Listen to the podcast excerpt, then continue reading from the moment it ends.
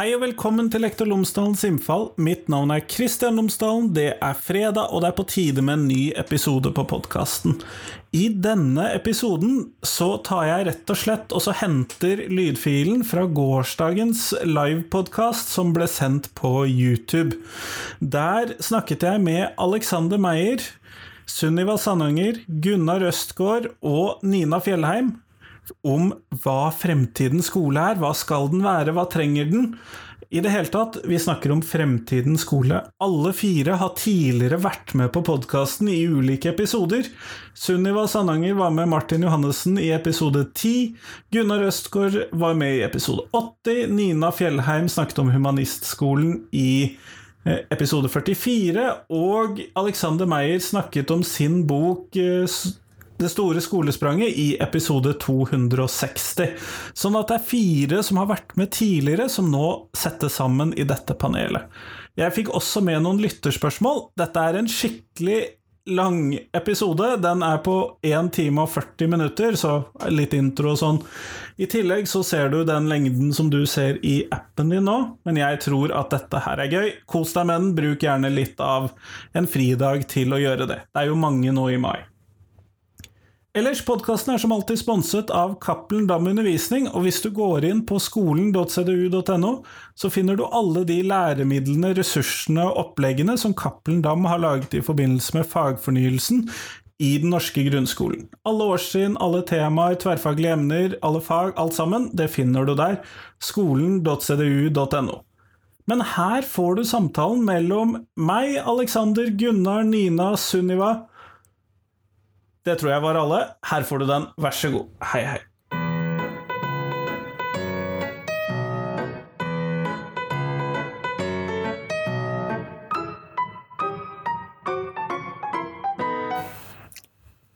Hei og velkommen til denne livesendingen med Lektor Lomsdalens innfall.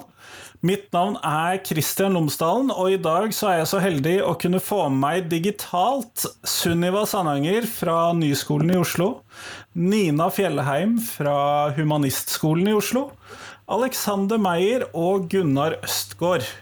Tusen takk for at dere har tatt dere tid til meg i kveld. Mm.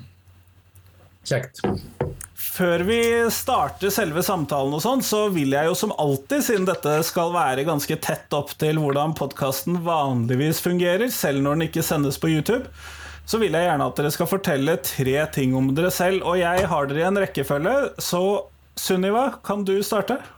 Det kan jeg. Eh, jeg er daglig leder ved Nyskolen i Oslo. Og det, ja, det, tilsvarer egentlig en rektor. Og så um, jeg har, Før jeg kom til, uh, inn i skoleverden, så drev jeg med sosialantropologi og litteraturvitenskap. Men det var mye gøyere å være lærer. Og jeg er uh, kronisk nysgjerrig på nesten alt. Um, og derfor helt generelt interessert i verden. Det høres bra ut. Nina, du er nestemann i min rekkefølge. ja. Eh, jeg heter Nina, jeg er rektor på Humanistskolen i Oslo. Um, tre ting om meg selv. så tenker jeg Først jeg er eh, evig student. Jeg er vel blant de med flest studiepoeng i Norge. Jeg tror jeg har hatt liksom to semestre uten eksamen de eh, siste 20 åra. Veldig engasjert i veldig mye. Jeg kan la meg engasjere av nesten alt. Det er vel derfor jeg også har studert alt mulig. Liksom, fra astrofysikk til kunsthistorie. Eh, og veldig glad i å reise, treffe nye folk, bli litt utfordra på egne ideer og møte litt motstand. Kjempeflott. Da er det Aleksander sin tur. Vær så god. Ja. Eh, Alexander Meyer, ja. Lærer. Eh, har fartstid utenfor skolen lenge. Jeg tok eh, lærerutdanning i relativt voksen alder. Og så eh, Det var jo et engasjement for skole som brakte meg inn i lærerutdanning. Da. Så jeg har vært en skolenerd veldig mye lenger enn jeg har vært lærer. Så notorisk eh, alltid prøver å oppdatere meg og forstå hvorfor skolen er sånn som den er. Um, hva som da eventuelt også ikke fungerer, og det er en del ting dessverre som jeg, jeg syns ikke helt har fungert sånn som jeg tenker det kunne gjort. Så det endte med at jeg sa opp jobben for en del år siden, tre år siden. Og så skrev bok. Den boken har jeg sittet og skrevet på i flere år. Og så sendte jeg en manus til Universitetsforlaget, og den kom ut uh, i august i fjor. Den heter Det store skolespranget. Uh, hvis jeg kan få lov å skryte litt, så har den fått god omtale. Det er en ny skolemodell som jeg presenterer for å løse en del av de problemene som vi har i skolen. Uh, så har jeg vært tillitsvalgt i Utdanningsforbundet, vært hovedtillitsvalgt leder, og så har jeg vært både medlem og leder av Lærerprofesjonens etiske råd. Så jeg har en del sånn forskjellige erfaringer fra ja, forskjellige nivåer av skolevesenet. Ja. Jeg tror det var sånn Det er sikkert mer å si, vi kan jo holde på lenge, men nå tror jeg overlater ordet til noen andre. Jeg vet ikke hvem du er neste på listen. og neste og sistemann i panelet, Gunnar Østgaard. Øh, tre ting om deg.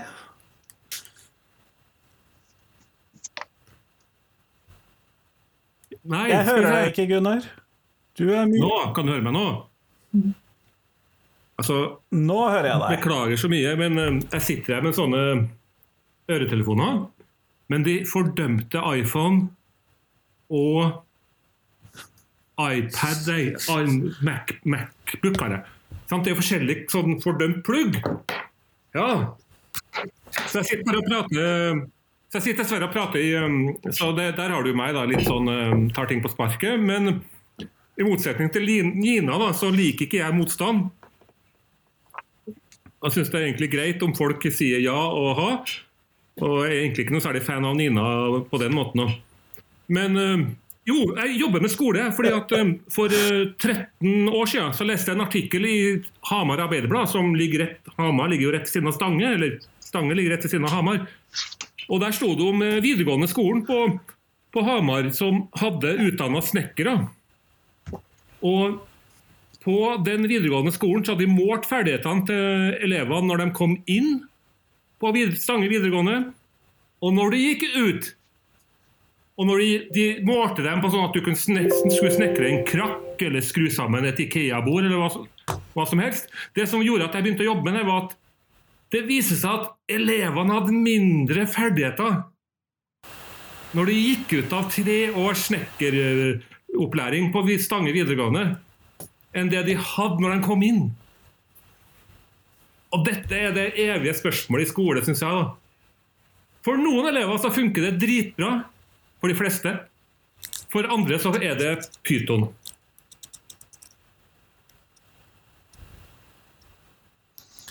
Ja, og det er jo hva vi skal gjøre med denne skolen, eller hvordan skolen skal se ut i fremtiden, som er det jeg har invitert dere til å prate om i dagens episode. Eh, og da tenkte jeg at vi skulle ta samme rekkefølge igjen, og da Nina, eh, nei, men Sunniva, du er jo allerede rektor på en relativt spesiell skole, men hva er dine sånne frem, visjoner for fremtidens skole? Sitter du med de allerede? Nei, Jeg sitter jo ikke med noe fasit på hva fremtidens skole bør være, fordi det er for stort og komplisert. Men vi driver jo og lager en skole så vi har holdt på med siden 2004. Eh, Nyskolen i Oslo ble starta da. Og Da var det Mosse Jørgensen som hadde en visjon om framtidens skole i Norge, og som vi ikke kom noe vei innafor det offentlige systemet. Eh, og Det endte opp med at vi søkte om å starte friskole.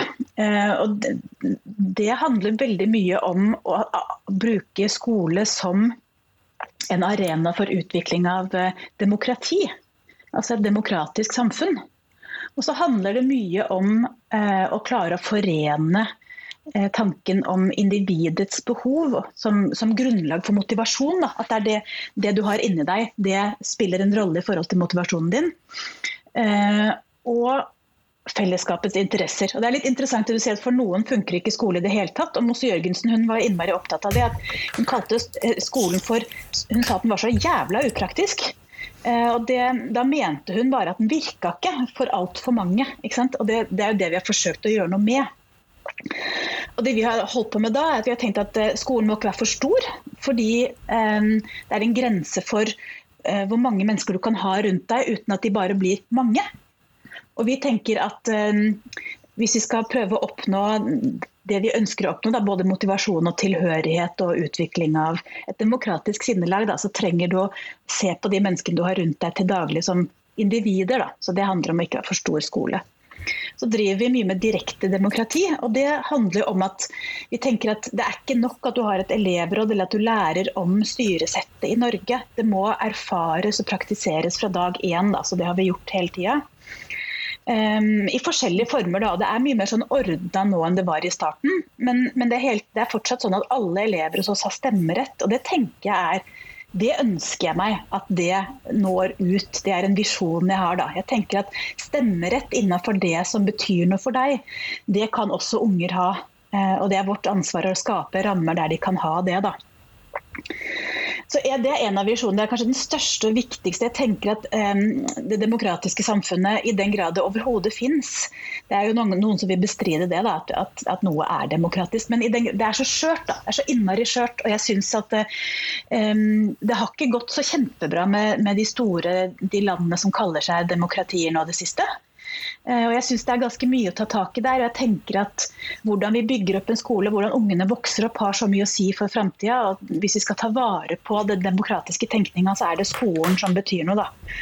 Og Jeg sitter jo ikke med alle svarene på hvordan man gjør det, men jeg tenker at hvis det kan være en hovedretning, demokrati og, og det å kombinere individets behov med fellesskapets behov, og hele tida forsøke å søke den sammenslutninga der, da, så er det den store visjonen som jeg har, og som jeg opplever at det er det vi prøver å uttrykke på Nyskolen. da. Har funnet ett uttrykk, som sikkert er ett av mange, for å komme dit. Nettopp. Kjempeflott. Eh, Nina, du sitter jo også i dag som rektor på en eh, sjelden skole. Eh, hva tenker du om hvor skal fremtidens skole være? Eller hva skal den være, kanskje? Som Sunniva også, så, så, tenker jo vi litt at eh, vi har jobba lenge, både jeg og Thomas som jeg driver skolen sammen med, har jobba lenge innenfor det offentlige systemet og dro veldig omtrent så langt vi følte vi kunne komme. så hadde vi lyst til å ta det enda et hakk videre, og da var det jo å starte opp sin egen skole. Da. Så det var jo litt sånn vår visjon av skole selvfølgelig, som, som vi da prøvde å starte opp med et litt sånn fokus på eh, det å, å, se elevene. Jeg syns det blir utrolig trangt i, i, norsk skole. Det er ikke bare sånn at det er noen som ikke passer. De fleste passer jo ikke inn, eh, vil jeg si. Så det, jeg det er litt sånn snudd på hodet.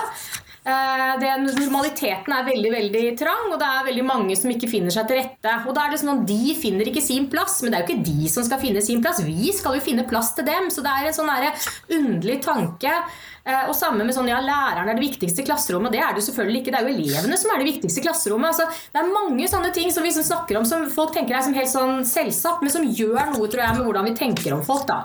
Så litt sånn eh, Jeg forleste meg litt på Nietzsche på videregående, som mange andre. Så litt sånn bli den du er. Eh, altså Få lov å utvikle seg, få rom til å liksom teste ut litt ting, og, så gikk det feil, og så kan de få lov å teste ut noe annet. og sånn. I litt trygge omgivelser tenker jeg er noe av det viktigste vi tilbyr dem. da. Eh, så har vi starta dannelse som eget eh, fag. Eh, og i det så ligger det egentlig i bunnen at man ønsker at elevene skal utvikle en form for frisørkompetanse. altså Sånn at de kan kunne snakke med hvem som helst om hva som helst uten å framstå som en idiot. Det er liksom grunnprinsippet i det. Og da ligger det i det at man både kan tenke litt kritisk eh, om ting, men samtidig ha en sånn empatisk lyttenhet, en sånn nysgjerrighet på hvordan i all verden havna de på et helt annet standpunkt enn meg? Eh, hvorfor ble det sånn? Få litt nye erfaringer gjør ting som de ellers ikke ville gjort. Da. Vi drar jo alltid elevene med på uh, mye forskjellig. Blant annet så tar vi de alltid med i operaen, f.eks. Og det er jo ikke at de tenker at å, når de har vært liksom, og sett Turandot og Puccini, så er det sånn å, da har de lært så mye og sånn. Men de har lært helt andre ting da, som ikke de nødvendigvis kan oppsummere i, eh, i et notat. Men de har lært hvordan de skal oppføre seg i operaen. De har lært at eh, der er det teksting uh, av, av, det de synger, fordi at du ikke skjønner hva de sier. De har lært når de skal klappe og når de ikke skal klappe. De har lært om de syns det var ålreit å høre på eller ikke, hvor orkesteret sitter. Det er Så mye ting de har fått med seg. og de kan ikke minst diskutere det med noen andre som har vært i operaen. Og så kan det være at nei, jeg liker det ikke, eller jeg liker det. Det er helt ok. Men de opplevelsene man får, da, det er jo med å forme, forme deg litt. Og det å bli litt sånn utfordra av nærmiljøet sitt, møte folk du ikke liker. Um, og klare å liksom opprettholde, ikke bare avvise ting, ikke bare le av andre mennesker som har noe annet enn deg selv, men faktisk være så nysgjerrig på hvordan de har kommet fram til det. Da. Så det med uh, den biten og det å lære om andre mennesker Gjerne gjennom å lese verdenslitteratur og sånn. Vi leser jo altfor lite. Leser, begynner folk å være bekymra for at vi leser for lite. Og så, og så tar man vekk lærebøkene. Som om det er det man skal sitte og lese! Som om det er det som skaper noe lese. Vi gjør jo ikke det. Vi kan ikke ha det. Vi må ha liksom lesing som gir opplevelser, som gir empati, og som på en måte utvikler hodene til de som leser. Det, er det, det er der på en måte kvaliteten ligger, tenker jeg da. Så det har vi liksom prøvd å, eh, å få litt til. Samle Vi er også en liten skole. Eh, jeg tenker det er fint, for da kan vi faktisk se de elevene. Blande oss godt opp i hvordan de eh, utvikler seg. Gi dem litt retning, gi dem litt motstand, og gi dem ikke minst masse støtte og kjærlighet. da. Alexander, nå har jeg kommet til eh, deg i rekka. Hva er eh, Og det er kanskje litt urettferdig å gi deg tre til fem minutter å presentere din visjon for fremtidens skole når du har skrevet en hel bok om temaet, men uh, mm. give it a go. Ja. Uh, jeg, jeg, tror jeg tar utgangspunkt i problemet, liksom. Fordi det, hvis du skal løse noe, så må du først se hva som er utfordringene. Så tenker jeg uh, Både Sunniva og Nina er jo inne på de tingene som jeg har sett på også. Eh, jeg syns jo det er veldig problematisk at vi har en helt autokratisk ordning um, som vi skal lære demokrati gjennom, f.eks. Vi kan ikke lære demokrati Altså, det du gjør, det blir du god på. Og det mener jeg også, da mener jeg også unoter. Så Hvis elevene driver mye med unoter, så, de, så, øver de på det. Det er jo ikke det at de bare blir gode på det, de kan bli gode på masse annet også. Men det, de, altså det vi gjør mye, det utvikler vi ferdigheter til. Um, så det er litt sånn, Hva er problemet? Jo, jeg syns det er en manko på demokrati. Uh, og så, uh, så, ser jeg at det er en manko på, på disiplin. Uh, som jeg også tenker er en vesentlig del. Og så er det en mangel på autonomi som jeg tenker er en stor utfordring. Og så er det litt spørsmål om altså, Med en gang man begynner å gå inn i, i skoleverket så Jeg har jo sett, jeg har lest eh, jeg vet ikke hvor mange forskjellige sånne enkeltstående skolemodeller som har løst de, har forskjellige, de forskjellige utfordringene på, på, på ulike måter. Um, og, og, jeg tror man kan få nær sagt hva som helst til å fungere hvis man har dedikerte, pasjonerte mennesker som virkelig ønsker noe med det de holder på med. Så det har noe med inspirasjon å gjøre. Det ligger noe der. Og, og, og, i et stort system som det skolen er, med 70 000 pluss-minus lærere og 650 000 elever Nå snakker vi om den norske skolen, men gjør du det i enda større skala, så ser du at dette her er et internasjonalt fenomen med sånn internasjonal skoleforskning og sånn, som egentlig går på millioner av elever. Så, så, må man se skolen som et stort system. Og store systemer opererer på veldig andre måter enn små systemer. Så så eh, innenfor et, et, lite system så tenker du altså, Det er litt som en Michelin-restaurant. Du kan lage en fantastisk restaurant som bare plukker opp eh, noen merkelige urter fra der du bor, og så finne en eller annen sånn, sånt, sånn liten kjerne et eller annet. Hvis du ser på sånne kokkeprogrammer, så ser du jo det. Hva de klarer å få ut av de forskjelligste områder. Men du kan ikke masseprodusere det. Jeg har fokusert på masseproduksjon. altså Jeg har fokusert på det store systemet. Det er det som jeg har syntes var interessant å se. Hva er det som er utfordringen i skolen den norske? Eh, går det an å gjøre det bedre i storformat? Og det tror jeg at det går an.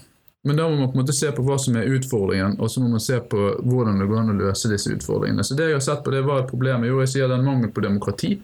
Det er en mangel på disiplin. Hvis du først har bestemt på forhånd at noen skal lære noe, les obligatorikk eller tvang, da. For det er jo det vi har. Vi har bestemt på forhånd hva elevene skal lære.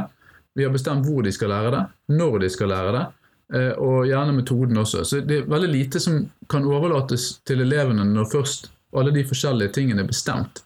Da blir det litt sånn elevråd. Sant? Eh, hvordan får du elevene engasjert i demokrati? Jo, du inviterer på pizza. Og da kommer de.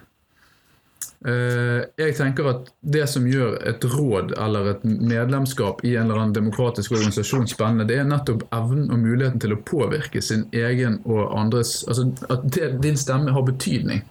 Uh, og i et elevråd, når det eneste skal diskuteres, er om det, er, om det blir basketstativ eller, eller fotballstativ et eller annet sant? det neste året, og resten er egentlig overlatt til til noen andre, så, så, skaper ikke det akkurat engasjement. Så jeg tenker det å gi elevene en stemme, det er veldig viktig. Og nå kommer jeg til poenget. da. Eh, jeg har gjennomanalysert skolen gjennom tvangen. Eh, sett på konsekvensen av at elevene ikke har autonomi. I, I, svært liten grad. Og i den grad de har autonomi, så er det den lille autonomien som lærerne har fått tildelt, som kan videredeles med elevene. Eh, så, så, og det jeg har gjort, er å se hva skjer hvis vi deler skolen i to. Så sier vi at vi strammer veldig opp på ene siden. Så sier vi til elevene ok, nå gjør dere det dere skal, og dere gjør det ordentlig. Sånn som vi sier. Da er det vi som bestemmer. Eh, frem til sånn fra halv ni til tolv, og så fra tolv til halv tre så er det elevene som bestemmer. Eh, og så har jeg analysert hva, hva skjer, hvordan kan vi bruke den som en ordentlig opportunist. Som, for jeg er jo opportunist av natur. Jeg tror alle lærere bør være opportunister. De bør bruke enhver anledning til å klare å få noe ut av det klasserommet de er i. Det, det er en god holdning til et nokså kaotisk rom. Um, så jeg har sånn sett hvordan går det an å løse disse tingene. Jeg satt liksom i min egen lille hule i fem, seks, syv år og bare pønsket. Og så akkurat så Oi, den faller på plass, den faller på plass, den faller på plass. Vi kan løse dette.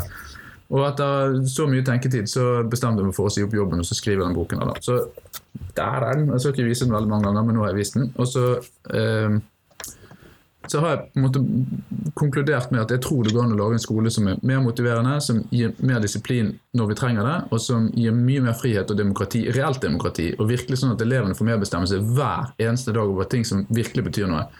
Sånn at de også lærer demokrati. Jeg er veldig opptatt av den samfunnsmessig. Og så åpner vi skolen mot, mot verden i større grad. Muliggjør interaksjon større, i større grad med omgivelsene større diversifisering. For det er jo en utfordring sånn som vi har i dag. Vi kan ikke tillate for store avvik. Da blir det store systemet veldig engstelig og begynner å skjelve.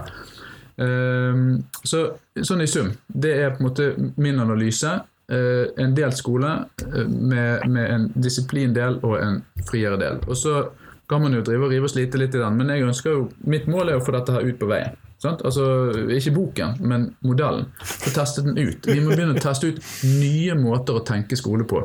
Fordi vi sitter fast i en modell som gir mer mobbing, uh, mye frustrasjon hos lærere, stor slitasje, og, tiden, og, og vi liksom blir gående og gnage hele tiden. Og jeg ser dette hos stort sett alle lærere, og alle elever er forskjellig preget av det, selvfølgelig. Men, men, systemet fungerer ikke for størsteparten. Det er en veldig veldig trang ramme som, som, vi på en eller annen måte må rive og slite litt i. Jeg har gjort det fra storsystemets vinkel, og så sett på hvordan vi kan ivareta alle disse her dannelsesperspektivene og sånn, samtidig som vi gir elevene den autonomien som de så sårt og veldig nødvendig trenger. Ja. Det tror Jeg var, jeg vet ikke om jeg har klart å holde meg i fem minutter, men jeg har i hvert fall gjort det beste jeg kunne. Nei da, det har du ikke, men det går fint. Okay, takk. Eh, Gunnar, da har vi kommet til deg. Eh, hva er din eh, fremtidsvisjon for skolen? Du må ta mikken igjen, tror jeg. Min fremtidsvisjon er det samme som professor Nils Kristi sa til meg for fem år siden. Like før han, han gikk bort, så sa han at fremtidens skole sånn, skal være minst mulig skole minst mulig oppdelt i fag, minst mulig oppdelt i timer, minst mulig vurdering. Eh, mest mulig læringslyst. Og jeg tror også at eh, Jeg bare si da, jeg sa jo ikke det i stad, men jeg har jo starta Montessori-skole i Trondheim. Eh, vi har ca. 30 elever, og så vi er jo bitte, bitte små. Montessori har jo et fokus på å skape et grunnlag for elevens eller menneskets utfoldelse. Og eh, har eh, veldig lite forankring i den, si, den skoleindustrielle pedagogikken som offentlig skole stort sett har i dag. Da, hvor de, elevene lærer det samme samtidig. Mens det på Montessori er basert på hvor eleven står, hva han og hun kan, og hva det er hun skal eh, kunne lære seg. Og jobbe veldig mye i små grupper, det er aldersblanda. Eh, så det er en eh, spesiell pedagogikk som har funka sånn i nesten 70-80 år. Og er grundig uttesta på 150 skoler i Norge og mange mange tusen skoler worldwide. Når det gjelder fremtidens skole, så tror jeg det Sunniva sa er utrolig viktig stemmerett i det som betyr noe. Var det ikke det du sa, Sunniva? Og litt Alexander sa altså, hvorfor skal du stemme om bas ja, Det er greit nok å stemme om basketballstativ, det er fint nok det. Men uh, jeg har så respekt for det Sunniva og Jeg har jo snakka mye med Martin uh, Sunniva. Og Martin Johansen har jo vært mye, eller har vært hjemme hos meg en del, og vi har ja, snakka mye sammen med han. og Jeg ser jo at det dere har gjort på elevdemokrati, er jo ekstremt. Ekstremt bra og dristig og fremtidsretta. Så jeg er helt sikker på at det elementet dere har der, er noe som, som vil gjøre skolen bedre ved at eleven faktisk formelt sett, og ikke sånn som det står i, elev, i, i, utdannings, i lovverket i dag, at eleven skal ha tilpassa opplæring, står det, men det er jo bare prat. Står det vel i 1A. Så Jeg syns det er utrolig bra at dere gjør det. Og Da kommer det også inn på eh, det som sto i Utdanningsnytt. Det sto i en artikkel i dag jeg leste, leste dere om Øyvind, som sa han ville bli mekaniker. Han. Han ville ikke, han ville, det var det han ville bli! Kan ikke, lære, kan ikke læreren og skolen skjønne det? At det er det jeg har lyst til. Og på en måte å ta elevens eh, ønsker på alvor Det kjenner at vi greier brukbart i Sorry, men vi, vi driter oss ut hos oss også. Men i det hele tatt å bygge skolen rundt det, og samtidig ha den formelle modellen som dere har, syns jeg er helt superbra. Sunniva. Og så tilbake til Nina. Da. Det med frisørkompetansen var dritbra. Da. Artig. Altså, rett og slett kunne du rett og slett møte folk. Da. Og, og, du kom jo litt inn på det, Nina. husker en gang du sa at nei, men hensikten med skolen vår, sa du, eh, det er å skape et best mulig grunnlag for gode liv. Stemmer ikke det? Jo. Så jeg synes at uh, Der har du også et element. da, og der, Det er litt Montessori. Det, for Montessori tenker jo ikke bare på det intellektuelle, vi tenker jo på det sosiale, det emosjonelle og det fysiske. Så det her må jo henge i hop, det hele mennesket. da.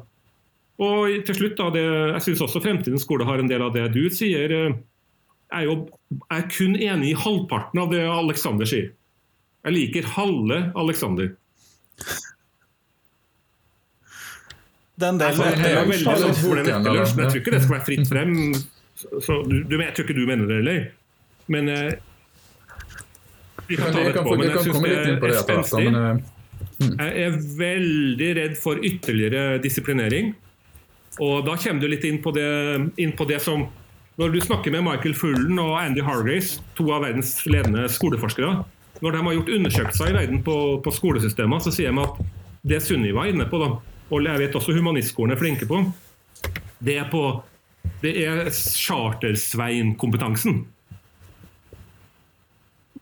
Og, og Chartersvein Ikke Lotepus, han er bra, han òg. Men Chartersvein er glitrende på én ting. Og det at han tør å tale Roma imot. Han ble sett på som en idiot, sikkert av oss fem her òg. Jeg så ikke debatten, men jeg har sett etterpå. Men mannen rakk opp handa, og han sa det han mente. da. Og jeg er absolutt ikke enig med det. Og Andy Hargers og Fullen og de kaller jo det her uh, 'calculated interception'. kaller de det. At barna, at ungene våre faktisk tør å rekke opp handa og snakke Roma imot. da. Nina eller Sunniva eller Alexander imot. da. Eller Gunnar.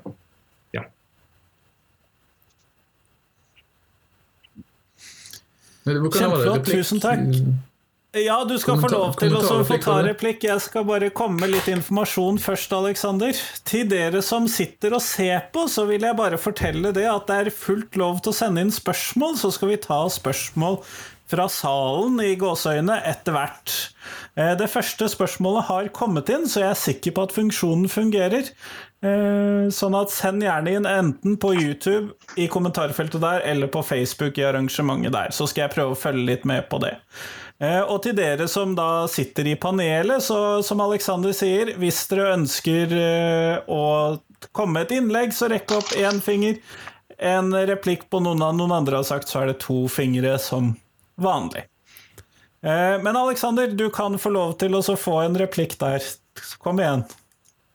Ja, nei, jeg, tenker på, på, eh, på uh, altså, jeg, jeg, jeg, har ikke Jeg har ikke tatt, tatt utgangspunkt i noe skoleutopi. Utopi. Altså, jeg har tatt utgangspunkt i det som er bestillingen på en måte til dagens skole. Uh, vi skal lære dem noen fag og noen holdninger og noen sånn Der er liksom der er, der er et mandat som, som tillegges, som, som, som er lagt til skolen. Og så tatt utgangspunkt i det mandatet. da. Eh, det er lovverket og det rammeverket som er lagt til altså lovverk og, og, forskrifter og sånn, som jeg har tatt utgangspunkt i. Så jeg, jeg, jeg vet ikke om det er det riktige. eller Jeg har jo lest veldig veldig mye forskjellig skolelitteratur, både Illich og, og jeg leste også masse Mos Jørgensen. Veldig inspirert. Syns det er veldig, veldig mye vesentlig. Og de tar jo nettopp opp disse autonomiutfordringene og alle disse tingene som, som jeg ser også som en veldig stor utfordring i skolen. Nettopp fordi vi får ikke gjort det vi skal. Vi får en slavementalitet hos elevene. Når vi har bestemt alt på forhånd, så sleper de beina etter seg. Og Det ser vi altfor mange elever gjør. Og de elevene som sleper beina etter seg, de setter hastigheten og standarden for klasserommet. Og er det én ting som jeg er helt, helt, helt sikker på, så er det vi har så mye underyting i skolen at det er helt forferdelig. Det er så mye bortkasta talent på alle områder innenfor skolen. Eh, altså, bare eksempler på elever som, som, har funnet det for godt at nå skal jeg gjøre noe med et problem som jeg har, og så har de lært det på rekordfart. Jeg har flere eksempler på det i boken. og det, det, Jeg kjenner ikke en lærer som har jobbet i skolen nå som ikke har erfart det.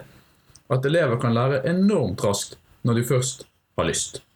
Men det er ingen som kan bestemme at noen skal putte noe inn i hodet på noe. Altså, det jeg vil lære, det er det jeg som lærer. Og Hvis jeg er engasjert, så lærer jeg fort. Og hvis jeg syns det er uinteressant, så sitter jeg og sover. Og det gjelder oss alle. Så jeg har på en måte tatt utgangspunkt i det som er skolen, og som er skolens mandat. Og så har jeg sagt er dette mulig å løse på en bedre måte. Ja, jeg tror det. ikke sant? Men da er det jo igjen den halve dagen som du nå kommer på en måte poenget, Gunnar. At, at, hvis vi først skal få gjennomført noe, så må vi jo si ok, det her har vi bestemt. Vi må være ærlige om den tvangen og den makten vi utøver overfor barn. For i dag så skal vi liksom leke sånn Nå skal ikke du lære det, nå kan du bestemme litt selv. Og sånn, så kan de ikke bestemme det. sant? Akkurat som du spør noen vil du ha pizza eller kake. Og så sier de kake, og så sier du nei, det var bare pizza. Så eh, eh, det er en utrolig kjip måte å operere på. Jeg liker å være ærlig og ryddig. Hvis vi først skal være ærlige, så skal vi være ærlige. Vi skal ikke drive på med sånn dobbeltspill. Sant? Vi liksom later som det er en frihet der. Elevene tester ut grensene våre med en gang. Og de ser veldig fort at det som skjer, det havner de på sånne møter. Sant? Alle mulige steder. Så jeg, jeg sier at den første delen av dagen den er disiplinerende, og den skal være det fordi vi har bestemt på forhånd at den skal være det. Det er faktisk det som er nedfelt i loven at den skal være. Men ved å gjøre det mer kompakt og mer komprimert og tydeligere, så sier vi ok, dette tar vi ansvar for, og dette skal du gjøre, men da får du til gjengjeld noe virkelig spennende etterpå. Og da åpner vi skolen som en landsby hver dag, og da får elevene mulighet til å delta på det. Og så så ser jeg hva som er konsekvensen av det både i forhold til demokrati og i forhold til motivasjon. Sant? Altså Det handler om mening. Vi må gi et meningsnarrativ til skolen som mangler i dag. Det er, er, er så, så, sånn sett er jeg ikke revolusjonær, men jeg er, er, veldig opptatt av å skape rom for nye måter å interagere på, bl.a. et fullverdig demokrati. Og, da, og Jeg går ikke inn i demokratimodellen, men den er veldig detaljert. Og den er absolutt inspirert av Nyskolen og en del andre demokratiske skolemodeller som er fulldemokratiske. Det finnes også skoler hvor det, som du er litt ute etter, de her eh, friskolene som er helt frie. Så Jeg har lest masse friskolepedagogikk og, og sånn, og syns det er mye inspirerende der. Men det er vanskelig å lage det i et stort system. Så ok, det var en lang replikk, men uh, ja. ja. jeg prøver å styre dere så lite som mulig når dere prater, men Nina, du har bedt ja, altså, om en replikk. Det er lov, eh, lov, å snakke i munnen på meg. Ja, jeg bare tenkte litt på det som, eh, som Alexander var inne på nå. Jeg er helt enig i at det er mye sånn eh, mangel på mening og mening, meningsløse både aktiviteter og mål eh, i skolen. Men det er også noe med Eh, det vi gjør da, når vi ser at en elev f.eks. ikke klarer å lære seg det vi har bestemt at nå skal vi holde på med dette, og nå skal du lære det, og så lærer ikke den eleven det, og hva gjør vi da? Eh, da går vi enten videre, for nå er vi ferdig med det temaet, så da skal vi bare gå videre. Eh, Eller så sier vi at oi, du klarer ikke det samme som alle andre, og så er det spesialundervisning. Og da tar vi deg ut av de fagene som du mestrer og som du får til, og så gir vi deg enda mer av det du ikke klarer, mm. eh, for at du får enda mindre mestring, med gjerne en lærer som hadde igjen 3 eh, for å fylle opp stillingen sin, som skal sitte og gjøre det, og som ikke er noe interessert eller engasjert i den eleven overhodet. Og, og så er det sånn, så rart at ikke det virker. Eller så sier vi bare det samme en gang til, litt saktere. Og nå har jeg jo sittet i en del overføringsmøter fra barneskolen barneskolen over til ungdomsskolen, for vi skal ta inn en nytt kull neste skoleår. Og så ser jeg liksom sånn der, den evinnelige liksom, eh, Når vi spør liksom, ja, hvem er denne eleven, og sånn, så får vi sånn der, tall fra eh, ulike kartleggingsprøver. Ja, på overgangsprøven i matematikk fikk eleven 24 av 32 poeng. Bare sånn dere, i all verden? Jeg spurte om eh, hvem denne eleven var. Den er ikke i 24 av 32 poeng. Og sånn, ja, nå har han snart begynt å knekke koden på de fire regneartene. Så tenker jeg, nei, men vet du hva? Hvis han ikke kan de fire regnearter etter sju år i grunnskolen, så drit i det, da. Det, vi alle går rundt med de fire regnearter her på mobilen hver dag. Du, hvis ikke du får det til, nei, ok, så da får vi gjøre noe annet. Da får vi lære deg noe annen type kompetanse. Men vi henger oss opp i helt sånne rare ting. Eller læreboken, som alt skal igjennom fra A til Å. Så der står det om nyrealismen. Og den har vi om uansett. Eh, og så, Hva skal du med nyrealismen? Ikke vet jeg. Kanskje hvis du bor på Torshov. Ellers er det ikke så veldig mange som er interessert i den. Men det skal alle lære om. Og sånn gjør vi på veldig mange ting. Og man stopper ikke å spørre seg om eh, hva, hva skal vi med dette. Og egentlig Eh, som Alexander snakker om, så er det veldig mye tvang i skolen. Det er egentlig ikke så mye tvang. Det er vi som lager den tvangen. Det er egentlig ganske mye frihetsskolen. Det er fullstendig metodefrihet. Du kan jo danse ballett gjennom alle læringsmålene hvis du har bestemt deg for det. Så det er jo helt hinsides mye frihet.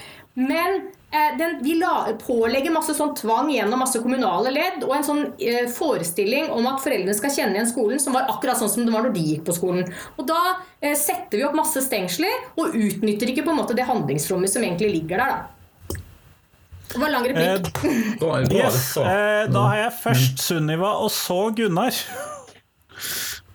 Liksom. Ja, nå kom jo egentlig Nina litt inn på det eh, som jeg skulle begynne med å si, nemlig det med foreldrenes forventninger. Jeg tenker at Det er innmari mye her som handler om ikke bare foreldre, da, men samfunnets forventninger til å kjenne igjen skolen. Fordi at eh, Nyskolen er jo blitt til bl.a. fordi det viste seg å være, som Mose Jørgensen sa, å endre skolen var som å prøve å snu et, dam, et hva de kalte et tankskip i Frognerdammen, tror jeg hun sa. Eh, og Det handla mye om at veldig mange, både foreldre og lærere og skolefolk og hos fylkesmannen og utdanningsleder, altså alle sitter med noen forventninger til hva en skole er. Og så syns de det er en kjempegod idé at vi skal utdanne ungene til demokrati, men i det øyeblikk elevene stemmer for at det skal være lov med mobiltelefon, eller et eller annet annet som noen syns er hårreisende, så bare å nei, det kan vi ikke likevel. Så det er den ene biten, og så er det også den der biten med at det, det, er akkurat som at folk blir litt sånn fornærma når man foreslår en annen skolemodell. Det er sånn, litt sånn, Jeg har møtt så mange ganger når jeg har holdt kurs eller vært på debatter eller vært i møter og sånn, det er, liksom, så, er det noen som rekker opp hånden og sier men jeg gikk på en sånn og sånn skole. Eller da jeg gikk på skolen, så var det sånn Og ble det ikke folk av meg, kanskje? Ikke sant? Og Da er jeg jo litt frista til å si nei, det høres ikke helt sånn ut, men, men jeg mener jo ikke det egentlig. Jeg mener bare at, at det er så, skole er liksom noe som Tenk om alle skulle blande seg opp i hvordan man fjerner blindtarmen. Altså jeg mener, Det er liksom akkurat som det er ikke noe profesjon. da. Det er jo, Elevene er ekspertene. Og så er det vi som jobber med dem. Vi er jo ganske gode på det, forhåpentligvis. Um, men de som uttaler seg om skole, de er jo ikke nødvendigvis De har kanskje ikke noe kunnskap, og ikke har de fått med seg at samfunnet har endra seg heller. Eller de har bare glemt det akkurat da, fordi vi har en sånn veldig konservativ holdning til hva skole skal være. Og det gjør det kjempevanskelig å få lov å teste ut nye ting. Og veldig, veldig mange skoleforsøk de er, sånn derre de er veldig tidsavgrensa, og så skjønner man ikke at det tar tid. Og da, bare for å ta en ting til, og det er nemlig at Hvis du lar ungene få komme inn i et nytt skolesystem, så vil også ungene trenge, og ungdommene trenge skikkelig masse tid på å tilpasse seg og forstå den friheten. fordi du er ikke autonom av deg selv hvis du er vant til å passe inn i en form. Du trenger den tida for å forstå at du kan utfolde deg og forstå hva rammene er. Og du trenger også å venne deg til at alle rundt deg spør å ja, du går på den skolen, ja det var veldig annerledes og rart. Ja, men da lærer du kanskje ikke sånn og sånn og sånn. Så ungene er også under et sånt visst stress knytta til det. Og det tenker jeg jo er å få lov til å drive skoleforsøk, kanskje til og med i stor skala, det er ikke så lett. For det er så mye motstand. Det er utrolig mange foreldre som sier nei, nei, nei, det kan vi ikke gjøre. Derfor tror jeg det står litt i stampe, og jeg tror det er litt av grunnen til at folk liksom som, som, brenner så mye, de går heller ut av systemet. Og det tenker jeg er synd, da. Så det er synd at ikke det er flere som orker å eh, jobbe med endring innenfor skolen, den offentlige skolen. Og vi orka det jo ikke, så vi brøyt ut. Mm. Nå ser jeg at Kristian eh, mangler, så jeg bare sender stafettpinnen videre til deg, Gunnar. Ja. Nei, det er jo så mye bra her. Jeg tror det her blir en veldig kjedelig kveld. Ja. Fordi eh, vi, vi, er jo, vi, er, vi, er, jo, så enige. Hvorfor, hvorfor, har du, hvorfor har du ikke invitert Åge Hvitsten, Kristian? Eh, Men- jeg vil ha er dere fire med i dag, jeg. Ja, det er bra, det. Det er helt vidunderlig der. Så det er Jeg tenker på det som du sa, Sunniva, om eh, om eh, Nei, det var Nina som sa det der om Jo, Sunniva sa det der med praksis, ja. Jeg tenker på professor Ivar Frønes på sosiologi. Han eh, sa at eh, og Dette er midt i hjertet til, til dere, tror jeg, Sunniva, men også til Nina. vet jeg det at det er når mopeden stopper at barna vil lære om forbrenningsmotor. sa. Og det er jo litt det der ja? Og, og, så leste jeg historie. Jeg leste om Nils Arne Eggen her om dagen. Uh, han, var jo, han er jo lærer, eller var lærer i Orkdal. Og han sa at de hadde alltid en par traktorer stående utenfor skolen, og drøss med mopeder. Og det var for at elevene som, ikke, som syntes det var kjedelig ja, å høre på historie og samfunnsfag og diktanalyse, de kunne gå til å skru.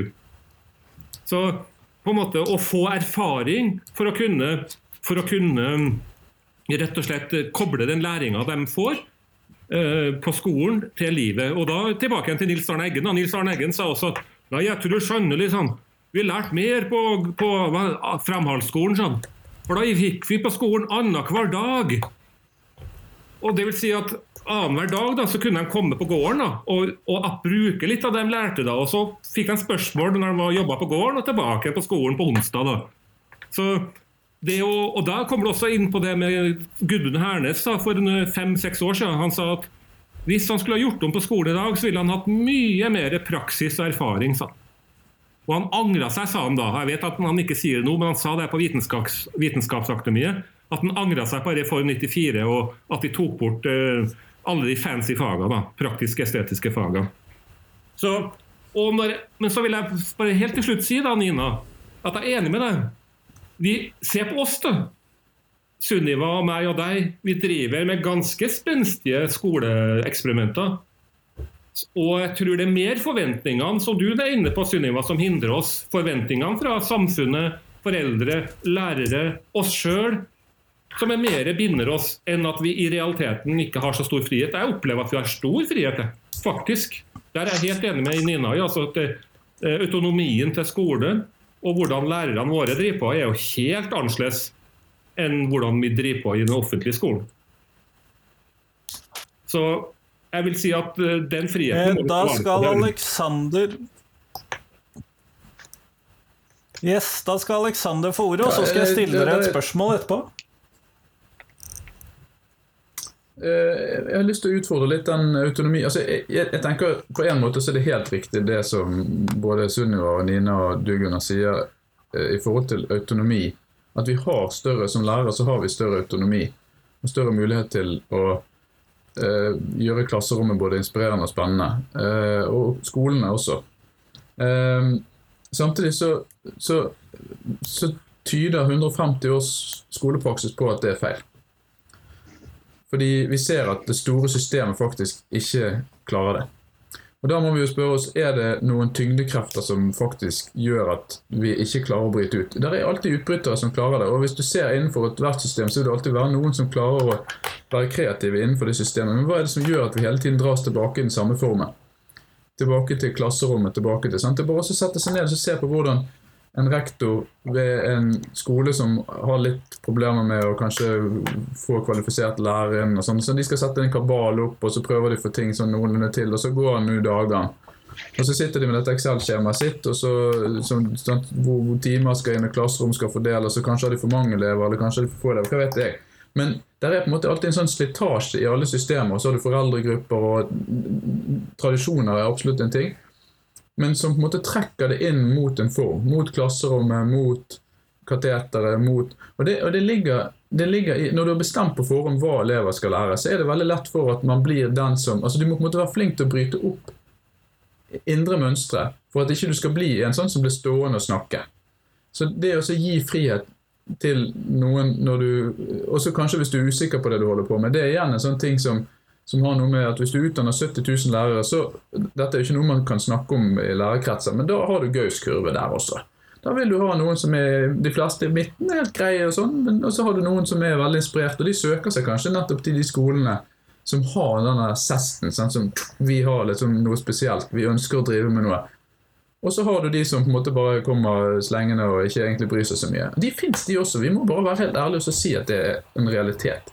Så er spørsmålet kan vi dra denne Gaus-kurven litt oppover.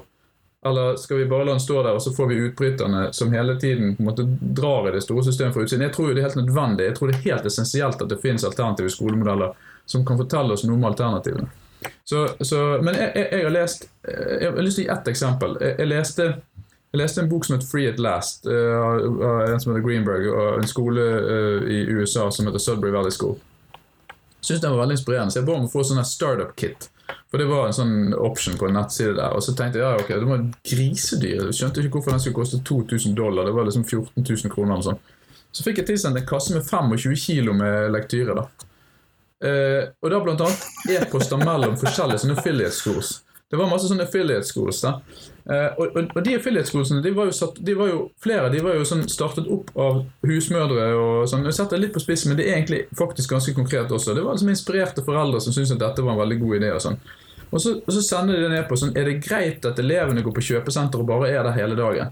Og så sier han Daniel Greenberg i svaret-e-posten eller Mimsi Sadowski eller hvem det var. Sånn, bare What the? Sånn, kutt ut. Altså, dere må jo liksom sørge for at de har en ramme som ikke flipper helt ut. Sant? Er det greit at de har sex i hytten bak skogen? Så, nei, altså, Hva med amerikansk lovverk skriver tilbake? Sant? Det er helt tydelig at det er vanskelig for en gruppe som skal starte opp noe, og så forstå på en måte essensen av det som de driver med på den hovedskolen. da. Så, så er, er, Den samme utsklidningen skjer i alle store systemer. Da vil du på en måte få en utflatning av det som er den inspirasjonen som er fra starten. Så jeg, jeg tror det ligger en, en utfordring i det, den, det friheten. Den må institusjonaliseres. Hvis ikke vi institusjonaliserer den fra starten, så er den veldig vanskelig å håndtere. Eh, det betyr ikke at den ikke skal utfordres. for jeg, jeg, altså jeg har jo brukt tre år av mitt liv på nettopp å, å klare å, å, bryte opp i den institusjonaliserte tvangen som vi har i dag. Men jeg tror den er der av en grunn. Eh, de tyngdelovene har på en måte dratt det inn i den formen om igjen og om igjen og om igjen så mange ganger at vi må på en måte være, erkjenne at da er det noe med den måten vi organiserer på som gjør at det blir sånn. Så, så det betyr som sagt ikke at ikke vi ikke har muligheter. Lærere har i realiteten stor frihet, men i praksis så viser det seg at det stemmer ikke. Det var ja. Da har jeg et felles spørsmål, og jeg hadde tenkt å starte med deg, Sunniva. fordi at eh, noe av det som dere har kommet innom nå, i løpet av praten, det handler om at det kan være vanskelig å gjøre noe med skolesystemet sånn som det er, og at det kan være vanskelig også at man mottar reaksjoner når man gjør noe med skolesystemet. Og spørsmålet mitt er egentlig da Er litt av problemstillingen at uh, lærere stort sett Nå er jeg muligens litt mer generaliserende enn det jeg kan være i utgangspunktet, men Eh, stort sett fikset skolen i den eksisterende formen. Altså at eh, vi, vi som stand stort sett Det funka. Og Sunniva, da hadde jeg lyst til å høre først hva du tenkte da. Mm. Eh, jeg tror at ja, selvfølgelig er det sånn at man er utdannet til noe, og du er vant til noe, og det ligner på noe du selv har vært utsatt for en gang tidligere. og Det tror jeg det, som, det er jo ganske menneskelig, det som er kjent og vant. Og det er fortsatt en god del lærere som syns at det er helt fint å snu bunken og så gjøre det de gjorde i fjor eller forfjor. Det er fortsatt mange av de som tenker at ja, læreryrket er ikke et kall, det er en jobb. Eh, og det, hvis læreryrket skal være et kall, så blir det skikkelig vanskelig å få nok lærere. Så det tenker jeg vi må liksom klare å finne en slags mellomting her. Men det er også sånn at um, når vi gjør store endringer og tester ut ting, så vil jo ikke barna nødvendigvis eller ungdommene respondere sånn som vi hadde tenkt. Og En av mine erfaringer er jo at det var en del foreldre de første årene som fikk kalde føtter når de skjønte at de f.eks. hadde en, en, sønn som ville sykle. Vi hadde en elev som sykla, jeg tror han sykla i to måneder. Eh, og Da var vi så få at vi kunne ta ansvar for at han gjorde det, da, fordi vi visste at vi kom til, og dette kom til å gå bra. Men det var ikke så mange rundt som trodde på det. Og Det er det samme med veldig mange andre ting. Hvis de, hvis de opplever at eh, barna deres eh, faktisk begynner å finne en eller annen autonomi og en eller annen form, men ikke innenfor det de selv hadde tenkt. Tenk på at Vi som er voksne nå, vi som er foreldre, vi er vokst opp med en helt annen autoritet over oss. Vi, så vi har så innmari mye sånn innebygd disiplin. Og så kommer det unger som, som ikke har det. Og De vil jo da ha et annet utgangspunkt, og så vil de reagere annerledes på de endringene som kommer fram i skolen. Og så får foreldre kalde føtter. Så jeg tror det har noe med det å gjøre òg. At foreldrene opplever at oi, nå skjer det noe med barnet mitt som jeg ikke helt veit hva er. Eller ungdommen min, og jeg veit ikke helt hva det er. Um, ja, så det tror jeg, jeg tror det ligger like mye hos de som reagerer på hvordan barna eller elevene eh, opplever skolen. Da. Nettopp. Nina, hva tenker du om eh, påstanden min, eller eh, tankerekken min? Nei, Det er litt sånn vanskelig å si. Jeg er jo litt enig med Alexandra at det er jo mye som trekker liksom mot å, å gjøre det man, eh, det man, alltid har gjort. Og det er krevende å liksom håndtere masse forskjellige elever som vil uttrykke seg ulikt og, og sånne ting. Samtidig så Eh, så syns jeg jo at nesten at elevene nå er nesten enda mer konforme enn det de var når jeg vokste opp. Liksom. Vi hadde i hvert fall noen sånne uh, punkerne og metalheads og litt sånn forskjellig. Nå syns jeg liksom alle jentene har eh, langt hår. Så lenge siden jeg har sett nesten en jente med kort hår på ungdomsskolen. At eh, det er, det er, liksom, det er veldig, veldig veldig konformt. da. Så det skal liksom ikke så mye til før vi opplever at noen er i opposisjon eller litt krevende eller litt annerledes eller litt sånne ting. Det det er veldig lite. Uh, og jeg tror den, uh, den romsligheten uh, er vi nødt til å jobbe litt med. Og så tenker jeg også at en ting er hva, vi må ha et litt sånn annet syn på læring. Da. Så nå så kan vi liksom bare sette lav måloppnåelse. Da har vi liksom gjort jobben vår. Da har jeg prøvd å lære deg noe, det lærte ikke du. Da har du lav måloppnåelse. men det virker jo tilbake igjen på seg selv. Jeg tenker Man må ta den profesjonen eh, som man har litt mer på alvor. Eh, og se at eh, ok, de fikk ikke med seg det jeg hadde tenkt de skulle få med seg. Da må jeg gjøre noe annerledes. Og det er den innsikten jeg håper at man kan komme til litt sånn etter hvert. da. Um, og så er det jo også sånn at Noen sånne sannheter som vi har, det er ikke alltid sånn bygd på, på hva som er forskningsbasert, og sånn, men veldig mye sånn ideologisk. Og det preges jo skolen veldig av. Uh, sånn at det er liksom, Matematikken er hellig. Det er kjempeviktig at vi har masse, det er et viktig fellesfag i første klasse på videregående, men det er det faget alle stryker i. Uh, men det er ikke så nøye. Vi må holde på det faget og sånn. Uh, så, mens liksom, historie det kan vi godt kanskje gjøre valgfritt. da. Kan godt hende det er riktig å gjøre historie valgfritt, men hvorfor er det ingen som diskuterer matematikken? Hvorfor kan ikke den være valgfri eh, på videregående? Hva skal du med derivasjon? Eh, er det viktig, liksom? Eller er det ikke? Jeg tenker ikke det kanskje er det viktigste. da, I hvert fall ikke for å ha et godt liv, hvis det er det som er liksom målet lenger framme. Så vi har noen sånne sannheter som gjør det liksom vanskelig å diskutere, og det at det selvfølgelig også er ideologisk eh, hvordan vi vil ha det. da. Nå er jeg liksom liberal, sånn at jeg ønsker jo litt mer mangfold og, og litt sånn mer rom da, for elevene til å kunne finne liksom litt sånn sin vei. Kanskje ikke sykle i tre år, men, eh, men noe, mer, noe, mer, fokus på at de kan velge litt sine egne, sine egne veier òg. Og litt mer ansvarliggjøring av oss som lærere for at elevene faktisk får med seg en del av de ting de skal. da. Det, liksom sånn, det, holder ikke for meg at de har vært på deltatt på riktig antall timer svømmeopplæring. Hvis ikke de kan svømme, så hjelper jo det ingenting eh, for den eleven. Sånn at vi må liksom ha noen krav da, som vi må kunne klare å levere på, tenker jeg. Så der er vi litt sånn eh, passive og tilbakelente. Hva var spørsmålet? Hva tenker du? Spørsmålet var rett og slett er litt av problemet med dagens skolesystem og muligheten for endring at vi lærerne fiksa skolen jeg tenker at eh, for å Hvis du skal endre i stad Beklager at jeg kom for seint, forresten, det kan jeg jo si nå. Men jeg ble liggende litt for lenge bak en Volvo 240. og på, på, Hedmark ute er det mange 240. Ja. Og, eh, og de, går, de, ser veldig farlige ut, men de går ikke så veldig fort. Men, eh, men poenget er at jeg tror at mye av det som, eh, som sies her, er det rundt det med at vi har et syn på eleven som tabula rasa, eller tomme tønner, er noe av det mest skadelige vi har i, i, i, i norsk skole, eller skolen generelt. Og for, å, for, at den kunnskapen vi nå har lyst til at elevene skal få med, få med seg, eh, må på en måte forankres i den enkelte elevs hverdag og og, um, og framtid. Og det, da, er, da, må du ha et system for å, for å rett og slett um, se eleven. Og For å skjønne hvordan et system er, altså skal du skille mellom en Volvo 240 og den mopeden jeg snakka om i stad, så er jo ikke 240 noe bedre enn mopeden, eller omvendt. Men de har forskjellig funksjon. Og jeg mener det er viktig å se på hva er funksjonen til norsk skole. Og Da kommer vi igjen tilbake til Nils Christie av 1971. Han sa at hovedfunksjonen i skolen er oppbevaring. Og koronaen har på satt to, minst to streker under det for meg. da at det er det Erna og politikerne og samfunnet bryr seg om, å stue bort ungene, slik at vi andre kan holde hjulene i gang. Det, og Hvis du ser på Guri Melby, som jeg ellers syns er en ålreit uh, utdanningsminister, så er all kommunikasjon fra henne det er veldig lite på læring og hva elevene får med seg, men veldig mye å holde denne skolen åpen. Det andre Nils Kristus sa, det er at sortering er det nest viktigste. Og Da kommer du inn på vurderingsregimet, som du toucha litt innpå i stad, tror jeg, Aleksander. Og, eller Sunniva. også. jeg var på et møte en gang med Roar Ulvestad og Simon Malkenes. Så traff vi han godeste Torbjørn Røe Isaksen. Jeg tror du var der, Aleksander, på det der møtet med Ludvigsen-utvalget nede på, ned på Lærernes hus. da.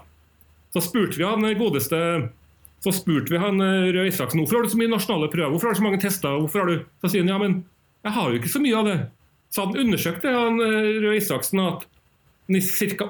80% av de testene og de prøvene som gjennomførte i skolen, var lærerinitiert. Og det er litt på de forventningene du nevnte i mm. stad, Sunniva, at jeg tror det ligger masse der at, at dagens lærere har lyst til å ha disse testene for å vite hvordan de sjøl gjør det, og hvordan elevene står. Og Det tredje, som eh, han Kristi sa, som kommer da før læring, det var det med disiplinering, eller å pushe inn den kunnskapen vi mener er riktig, da. altså samfunnet mener er riktig. Og Da kommer elevens læring ganske langt ned på lista. Og Da er du nødt, for å kunne, for å kunne vite hvor du skal ta skolen, så må du skjønne hvor ned og hva hovedformale, former, hovedfunksjonen er i dag. Det er ikke læring. Det er noe helt annet.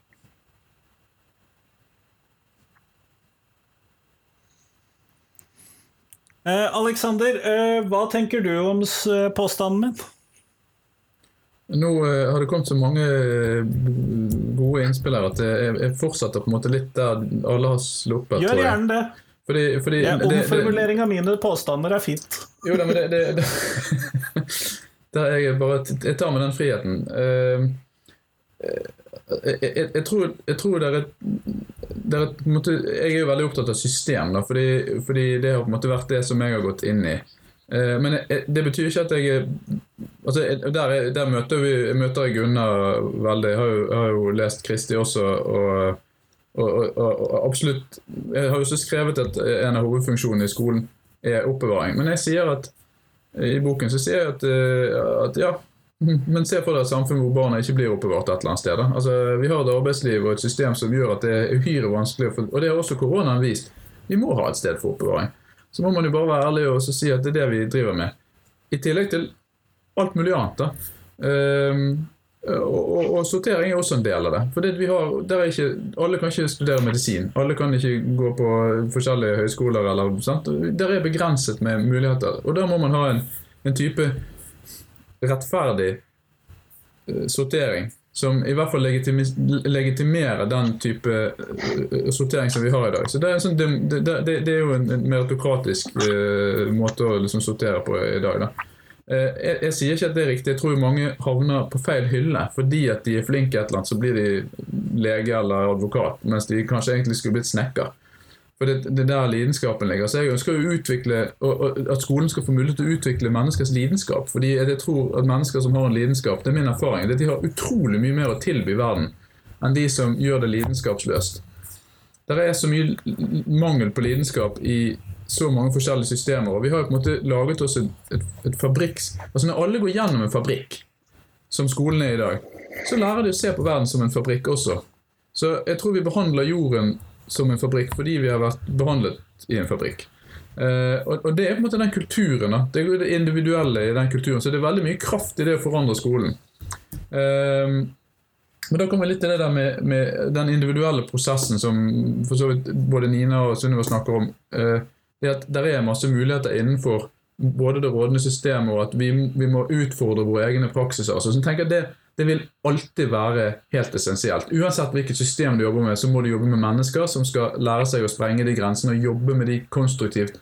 Liksom Balansere ulike behov mot hverandre, frihet og tvang, og, og, og finne hver enkelt elev samtidig du skal ta vare på helheter, og du skal ta vare på på, på, på fellesskapet. Så, så, Det er på en måte det min analyse går på også, så ser jeg hvordan kan du ta vare på både fellesskap og individ i et, et, stort system. Uh, men, men, det går ikke an å utelate Det fins ikke ett system som fungerer perfekt. Uh, på noen måte. Så du må alltid jobbe i det, med i det individuelle. Men og så kommer jeg til det, det som, Så lenge du har bestemt noe noen skal lære på forhånd, så blir det veldig lett en sånn tom bøttepedagogikk. Det, det tror jeg bare vi må innse. Så, fordi da er det liksom en som kan, og en som ikke kan. Da har du gestaltet to roller. Den som kan, som blir stående på scenen, og den som ikke kan, som blir sittende i salen. Eh, det betyr ikke at det ikke finnes metoder for å bryte opp i disse greiene og drive med utforskende læring, sånn, men hvis du ser på det i stort, så vil veldig mange oppfatte det skjulte budskapet som ligger i at 'jeg kan, jeg er lærer, du kan ikke, du er elev'. Og så kjører de den tombøttepedagogikken som, som vi ser i stor skala i skolen, dessverre. Eh, jeg er ikke noe tilhenger av den pedagogikken, men den ligger innbakt i selve definisjonen av at læreren kan, eleven kan ikke. Så da, da, får du de rollene, og så får du det klasserommet, og så får du den oppbyggingen som vi ser som er så destruktiv for læring. Så vi, vi skal rive oss litt i det, men jeg tror systemet må fortelle et nytt budskap et budskap som sier noen ting om at dette er tvang, og at det må være frihet, og at det er noen polariteter som ikke ivaretas. I dag får du verken det ene eller det andre. Det er en sånn halvspent fibromyalgisk tilstand som vi står i alle sammen, som gjør at folk blir sliten lenge før tiden, og elevene blir dritsure, og ingenting egentlig fungerer optimalt. Sunniva, du har bedt om replikk. Ja, jeg bare tenker at det, Noe av det som jeg Hvis vi skal tilbake til det, hvordan skal framtidens skole se ut? Så er det da på en måte jeg vet ikke om, Det er litt sånn at den er minst mulig skolsk, for å bruke et litt sånn eh, mosseuttrykk igjen. Og da tenker jeg de tingene som du er inne på nå, nemlig at det vi har bestemt at de skal lære. Jeg mm. drømmer jo om at vi skreller det ned til det absolutte minimum. Og det henger jo også litt sammen med, ikke sant? jeg ble kanskje litt mer enn en replikk, en videre resonnement. At eh, den totale mengden informasjon den vokser og vokser og vokser. og vokser. Sånn at vi, vi, vil jo ikke komme dit at vi kommer til å lære elevene alt de kan komme til å trenge. Så skrelle det ned til å liksom tenke på som det Nina sa, hva trenger de for å leve et godt liv? Og så, etter det, ta utgangspunkt i interesser for å øke motivasjonen. Da. Det er en visjon som jeg har. Eh, og som jeg også tror mange som sier at ja, da blir det jo bare sånn um, at alle bare tenker på, sin, på, seg selv. Men jeg tenker at det er, det, det er, ikke det, jeg sier. Jeg sier bare at hvis du får lov til å ta plass, og veit hvilken plass du tar, så er det faktisk mer plass til andre. Og Det er det som jeg tror er litt vanskelig for folk å skjønne. da. Da har jeg replikker til Nina og Aleksander, og så Gunnar tror jeg ba om innlegg. Så Nina, så Aleksander, så Gunnar.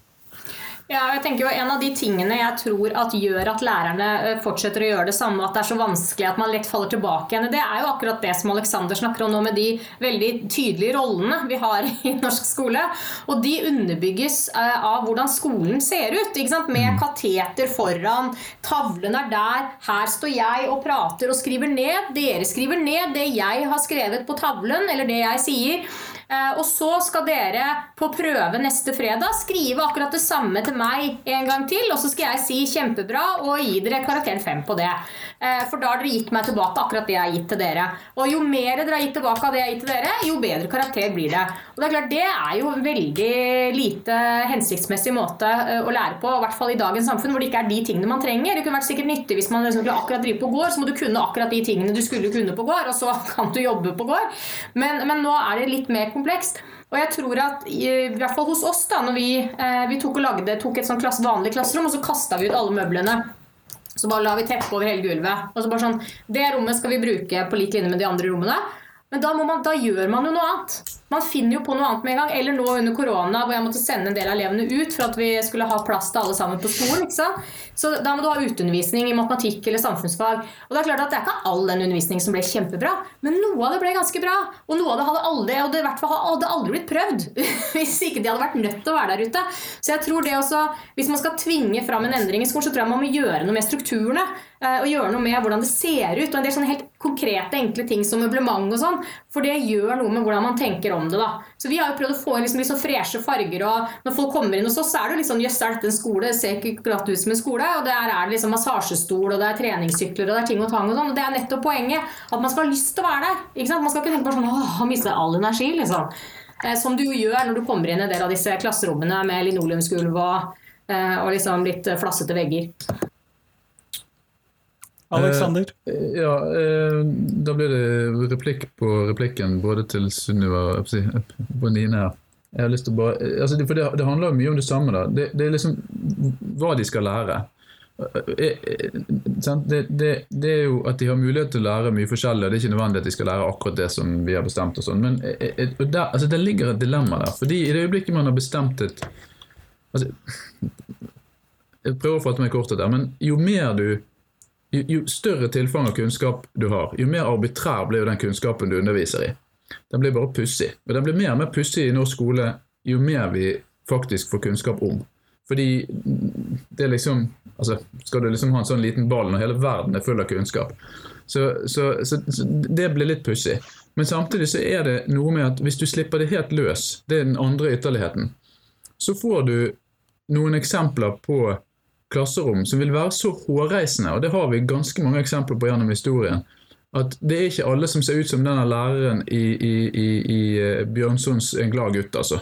Sant? Han var jo sånn ideallærer, landsbylærer, som var sånn varm og raus og rund og sånn. Og de fins jo, men det fins jaggu med de der med, med, med, stokken og med galskapen og med, med, Bibelen i hånden eller et eller annet annet i hånd, så de sant, skal lære elevene og, og, jeg tenker at de vil jeg i hvert fall ikke at Miten Brann skal oppleve. Da vil jeg kvalitetssikre de og heller lage de til en grå grøt.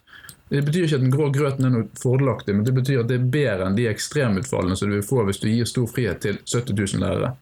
Så, så, der ligger et dilemma i det store systemet, men det betyr ikke at man innenfor et lite system kan skape utrolig mye mer inspirerende læringsmiljøer og læringsrom ved å kaste ut møbler, putte de inn igjen, omfordele, sette inn sofaer, lage læringskroker og gud vet hva. Det er masse masse muligheter, og for de som er kreative, så er det muligheter.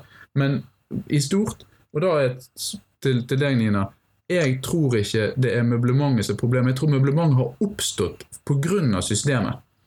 At det er, sånn, det er, bare, det er bare litt sånn høne og egget der, men jeg, jeg, jeg, jeg tror det er et svar på et behov at når vi har definert så tydelig på forhånd uh, the curriculum, altså pensum eller hva man skal kalle læringsmålene og sånn, så vil det oppfattes i stort av veldig mange som jeg setter opp kateteret her. Så setter vi opp rekkene så ikke de snakker med hverandre, én og én og én. Og så får vi på en måte det rommet som gjør at det ikke er for mye forstyrrelse. Denne vindusdebatten som går i så mange skoler, veldig klassisk eksempel på det. Med, med, Noen vil ha sånne små glugger som gjør at det ikke blir forstyrrelser utenfra. Og så er det noen som vil ha store vinduer, men det er stort sett arkitektene. Og så havner det på et eller annet sted i midten med sånn litt utsyn og litt ruter som er frostet og sånn. Og så er det altså, Alle som har jobbet i skolen, kjenner de her systemene. Så eh, eh, der er noen, der er noen dilemmaer mellom frihet og tvang som systemet i dag ikke klarer å håndtere. Uh, og, og, og, skal vi klare å få noe til, så må vi rive og slite i essensen av det for å bryte opp de mønstrene. Og Det betyr ikke at vi kan utelate tvangen. Vi har bestemt på forhånd hva elevene skal lære. Så hvordan gjør vi det? De trenger frihet. Hvordan håndterer vi den? Det er eh, på en måte de essensielle spørsmålene, tror jeg. Og så Hvordan man besvarer det, det bør det være mange svar på. Jeg har ett svar. Um, jeg håper at det går an å teste ut det, og så håper jeg at det går an å teste ut mange andre svar som, som undersøker de samme problemstillingene tydelig. Fordi jeg tror det er der essensen vil ligge. Uh, en, en, helt fri skole vil være veldig problematisk, en helt tvunget skole er problematisk. Vi er nødt til å jobbe med, med det spennet på en annen måte. Ja. Gunnar, da har vi kommet til deg. Ja, det er, vil bare det gjenta meg litt selv, da, men når du ser på hvordan humanistskolen, hvordan, eh, hvordan eh, Sunniva og og, og, og Nyskolen driver. Hvordan steinerskoler og, og mange, flere hundre steinerskoler og, og Montessori-skoler driver, så, så, er det jo i hvert fall hos oss da, på Montessori så er det jo flere saccosekker enn en pulter. Eller tavler. Tavler fins ikke mm. på Montessori, eller iallfall ikke hos oss. Så, og Det betyr jo Alexander, da, at vi, vi driver en, en mer forsøksvis en mer elevsentrert undervisning. Men som du sier, med det samme, tvangen er jo at vi må gjennom læringsmålene. Vi kan jo ikke skippe det. Uh, og, og mm. vi må holde oss til det som UDIR har bestemt der. Men vi, vi greier da å, å, gjøre det med et, et, litt annet Jeg vil kalle det, jeg vil være litt frekk her kanskje å si at det er kanskje et litt annet menneskesyn i den pedagogikken som, som en del av oss friskoler har. da hvor vi eh, ser på eleven som et, som et, menneske av kjøtt og blod. Og når du begynner å tenke på, da, sånn som vi som driver skole, jeg tenker ofte på det, jeg blir litt sånn svett når jeg tenker på at oi, jeg har ansvar for 30 sjeler hos meg. Wow.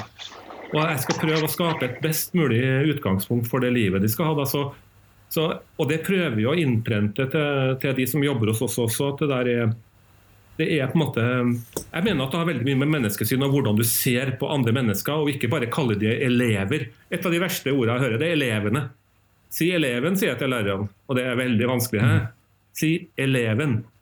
Og, det, og der, det, er en krevende pedagogikk, Alexander, og det vet jo alle oss andre her også, men eh, det går i den retninga. Og mm. fremtidens skole er, må håndtere eleven og elevens bakgrunn mye bedre enn det vi gjør i dag.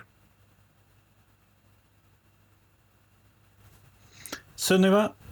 Ja, jeg tenker, Dette er sånn som er litt skummelt å si overfor mange lærere, men jeg tenker at det er noe i måten lærerorganisasjonene har diskutert og snakka om skole på også, som, er, som kanskje har stått litt i veien da, for kanskje nettopp elevsynet, menneskesynet, synet på hva det er vi skal med en skole.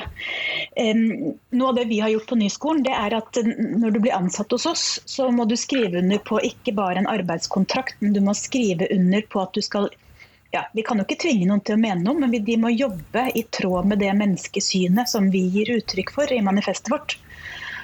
Og det opplever jeg er kjempeviktig, helt essensielt Eh, fordi du trenger å ha et altså, fordi skolen er jo, Man kan jo godt si at skolen er mange ting, og skolen er oppbevaring. Definitivt. og det, Jeg tror mange lærere har kjent på det nå.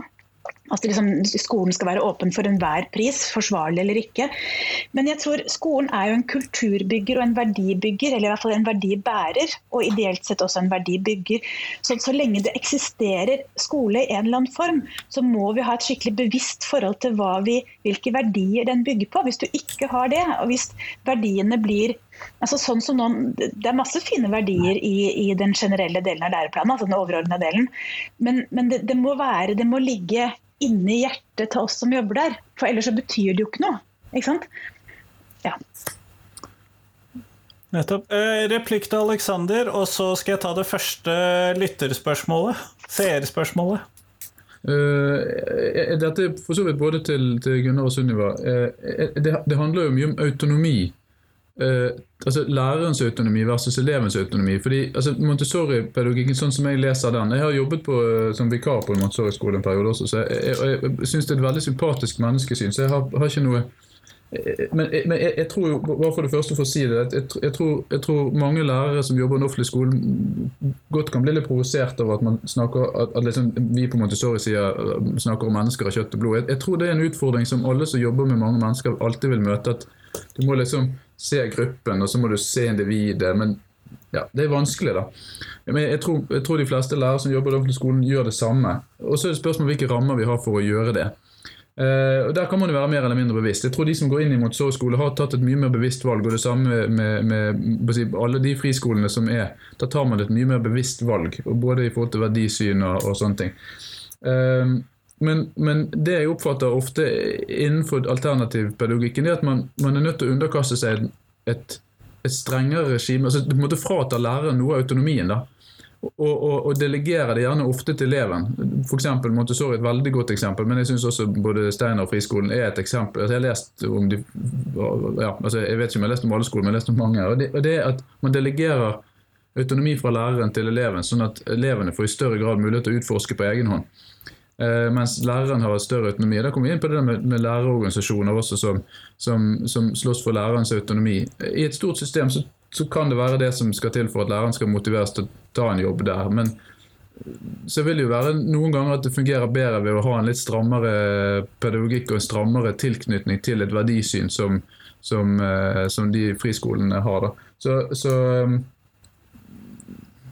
ja, jeg, vet ikke om det ga mening det jeg sa nå, men jeg, jeg syns i hvert fall det er en viktig distinksjon det med, med hvem som har autonomien. Fordi, fordi um, det er enten læreren eller uh, eleven, eller ingen. Hmm. Ja, Da skal jeg lese det første lytterspørsmålet, og det kommer fra Martin Taulov. Eh, som skriver det at dersom disse alternative skolemodellene fungerer langt bedre enn den vanlige offentlige skolen, Parentes, som jeg tror de gjør, parentes slutt. Hvordan beviser man det? Må man gjøre det for å skape større systemendringer? Og da, eh, da Her er jeg åpen for fingre i været for uh, å svare, hvis man ønsker det. Nina? Um, ja, da fikk vi en hel liste. Nina, ja. Gunnar, så Aleksander. Ja, jeg tror, er, jeg tror, det er, vanskelig fordi at uh, innsøkingen til friskoler er uh, ikke på en måte, det, det, følger ikke en sånn normalfordeling. Det er ikke hvem som helst som søker seg til en friskole. sånn at uh, Hvis du sammenligner en friskole med en offentlig skole, så, så vil du ikke nødvendigvis finne det du ser etter, da, for å si det sånn. Da må du liksom på en måte se på hvem ja, Det er vanskelig å finne et sånt utvalg og si at dere skal gå på den skolen og prøve det systemet, og dere skal gå på den skolen og prøve det systemet eh, over hodene på, på, folk, uten at det blir påvirket av noe annet, rett og slett. Så det er litt krevende. Det jeg tenker vi prøver å gjøre, det er jo å løfte fram en del av de tingene som vi mener at vi har lykkes godt med av mindre ting, da. Eh, men som vi tenker at er overførbart, og som kan fungere også i, i større sammenhenger. Som f.eks. at vi kjører liksom Eh, eh, at vi tester hvordan elevene opplever skolemiljøet sitt annenhver uke i en sånn spørreundersøkelseform på Google. Det mener jeg alle skoler bør gjøre.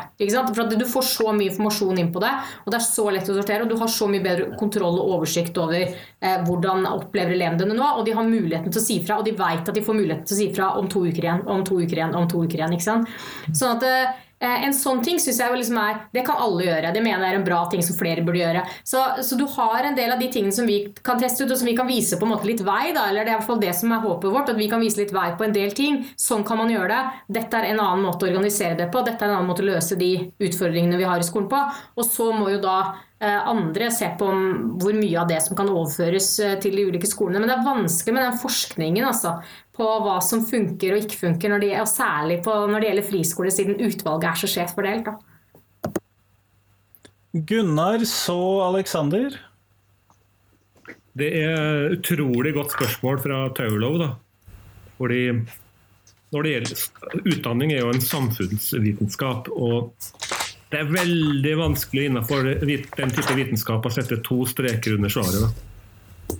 Eh, det er det må, og der har Jeg jobba en del med Ken Robinson faktisk om det her også, og Hargay og følgen for noen år tilbake. Og De jobba med å si at ok, la oss beholde PISA som en indikator. En av mange indikatorer på hvordan en skole er, eller et skolesystem er. Men går det ikke an å utvikle flere indikatorer? Og da, Jeg husker Nina en gang, du sa en gang jeg tror det var førsteåret deres, du sa at eh, var, du var så stolt av elevene dine. sa du.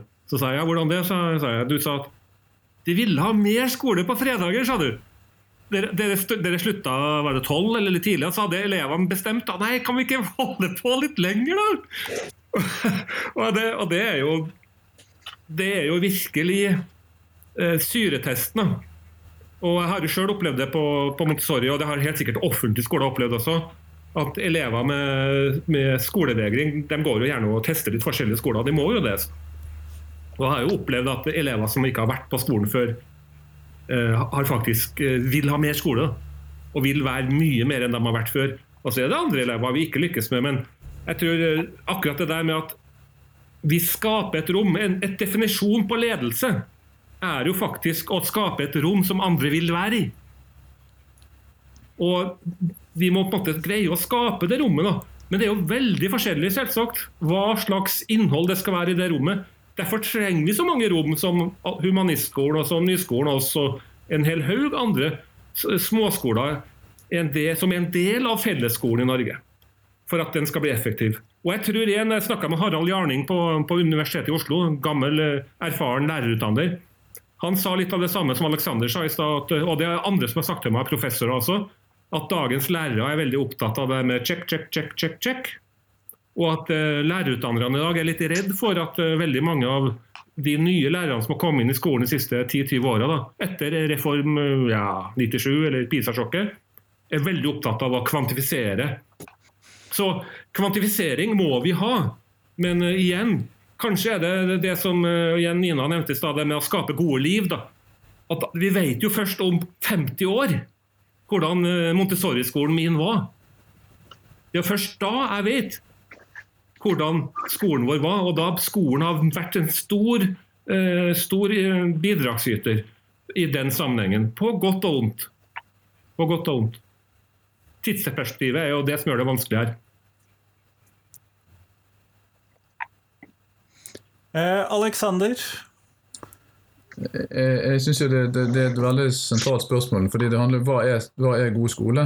Uh, det, handler, det handler, absolutt om utvalg. i forhold til Hvis du skal liksom forske, så kan du ikke lage én skole. Uh, du må lage 100 skoler, og så kan du begynne å se.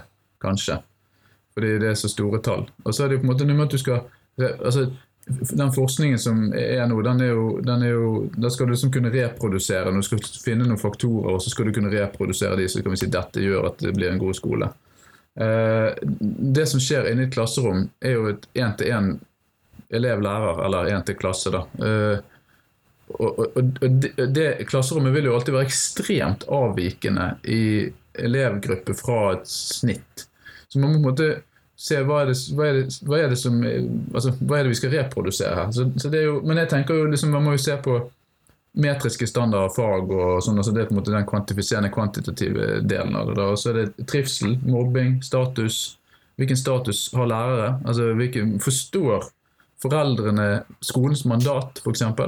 I dag så tror jeg skolens mandat er ganske uforståelig. Jeg tror foreldrene forstår oppbevaring. Eh, og noen tror de forstår eh, fag. Det, det er jeg helt sikker på at de ikke gjør. For kunnskap er nokså flytende, og den bruker vi når vi trenger den, og så glemmer vi den når vi ikke trenger den.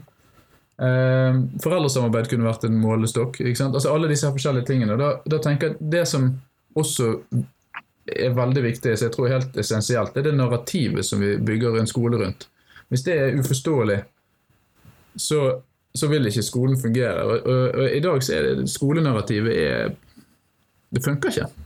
Jeg, jeg, tror vi nærmer oss et punkt hvor flere vil se det. Eh, at vi, vi, det, vi er i ferd med å gå moralsk konkurs sånn som skolen fungerer i dag.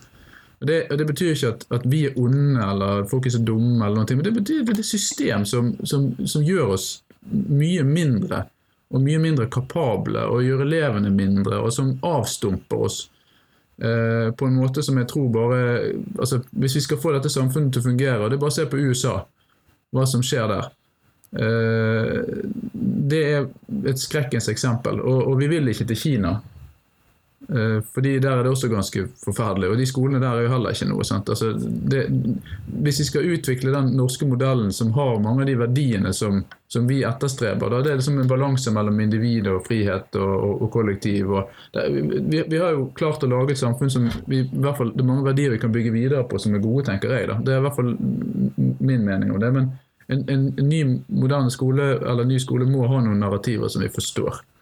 Uh, og så må vi måle det etter det. Sånn, da har jeg et Ja, Sunniva?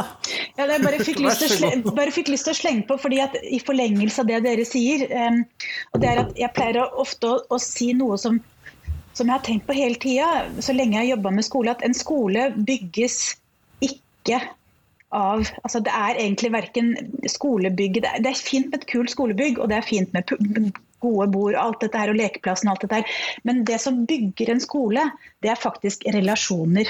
Mm. Det er relasjonen mellom barn og voksne, mellom barna og mellom de voksne. Og de mm. relasjonene er fundamentet som skolen er bygga av. Så når det er vanskelig å forske på, så tenker jeg at ja, fordi at ja, Det ble sagt det er et 50-årsperspektiv, men det handler om at vi vet om skolen funker hvis samfunnet utvikler seg i tråd med de verdiene som menneskene i samfunnet ønsker.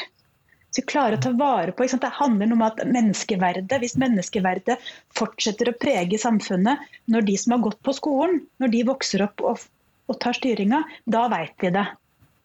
Mm. Men det er relasjonene som ligger i bånn. Over alt dette andre, da. Mm. Eh, Gunnar, kjapp replikk. Kjapp til Sunniva, enig. Eh, det norske sivilingeniører 25 år gamle sivilingeniørstudenter er noen av de mest attraktive studentene som ansettes i verden. Kommer veldig høyt opp. Så har vi gjort undersøkelser hvorfor det. Og det viser seg at karakterene er bra. Men det er akkurat det du sier. Evnen til å samarbeide, evnen til å tørre å bryte inn, som vi snakka om i stad, det er calculated interception. Uh, evnen til å kre kreere noe nytt. Evnen til å jobbe selvstendig også. Så Det som er så artig med skole, er at det, her, det er de unintended consequences. Da. De ikke-intensjonelle tinga, som er kjempeviktig, kjempeviktige, og som du nå er inne på, Sunniva. Og da er det sånn at Kanskje vi skal innrømme det, at det er faktisk de tinga som, som skaper menneskene. Og bare, bare, må si det at jeg kjenner oppi her, høyre her jeg bor, så jobber en, Afghanistan, en bataljonssjef i Afghanistan. og Han sa at norske spesialsoldater, spesialsoldater er de beste i verden sin. Så ser jeg hvorfor det. Det er kineserne, amerikanerne, russerne. De misunner oss dem. Fordi at en norsk spesialsoldat kan du faktisk droppe oppi et fjell i Afghanistan og la han være der i tre måneder. Og han fikser det sjøl. Det kan du ikke gjøre det med en russer eller kineser eller en amerikaner, sa han fyren som, som skrøt av det her. Da. Og og Det er akkurat det der, de egenskapene der da, som, som, de mellommenneskelige egenskapene og de menneskelige egenskapene her som gjør oss, gjør oss til bra folk. da. En litt kjapp replikk, Alexander, før jeg går videre til nest siste spørsmål. Jeg bare tenkte en liten kort replikk på det med, med, med, unintended Var det unintended consequences du sa, Gunnar? Ja, det, jeg, jeg tenker Det er jo akkurat det Altså jeg kommer hele tiden tilbake til system, for dette er det jeg har jobbet med, og det er det jeg ønsker å få, få mer fokus på. Det er hvordan systemet skaper utilsiktede konsekvenser som vi ikke ønsker, som demotiverer, som skaper trøbbel. og sånn. Altså det er på en måte Hvordan bygger du et system som, som skaper utilsiktede positive konsekvenser i, i alle forskjellige varianter? Og Det har jeg undersøkt, og jeg håper det, som sagt, det er mange som vil undersøke det, fordi at dagens system produserer for mange av de utilsiktede konsekvensene av en negativ karakter. Så jeg, jeg, er veldig veldig enig i det perspektivet. Eh, det, det, noen, det, skjer alltid veldig mye mer enn det vi ønsker. Så en intensjon er ikke det samme som en realitet. Det er i hvert fall helt sikkert. Eh, da har jeg fått inn et lytterspørsmål som jeg tenkte jeg skulle ta før det avsluttende spørsmålet mitt. Men Øyvind Børven, eh, rektor på Akademiet Fredrikstad, stiller spørsmålet eh, hvor høy gjennomføringsprosent bør det være i fremtidens skole? Og da er jo spørsmålet hvem rekker opp fingeren først? Sunniva? Så Gunnar, så Nina. Ja, problemet er at hva betyr det å gjennomføre? Hva skal du oppnå? Ikke, du kan ikke svare ordentlig på det spørsmålet, fordi hva er det de skal gjennomføre? Jeg håper at framtidens skole er sånn at når du blir så gammel som du trenger å være når du ønsker å klare deg sjøl, så klarer du det. Og Da er det litt sånn irrelevant hva slags papir du har på det, men det som skal ha noe å si, er hva, om du faktisk får til, tenker jeg da. Jeg ønsker meg ikke et sånt tall. Jeg ønsker meg at flest mulig skal få til det de har lyst.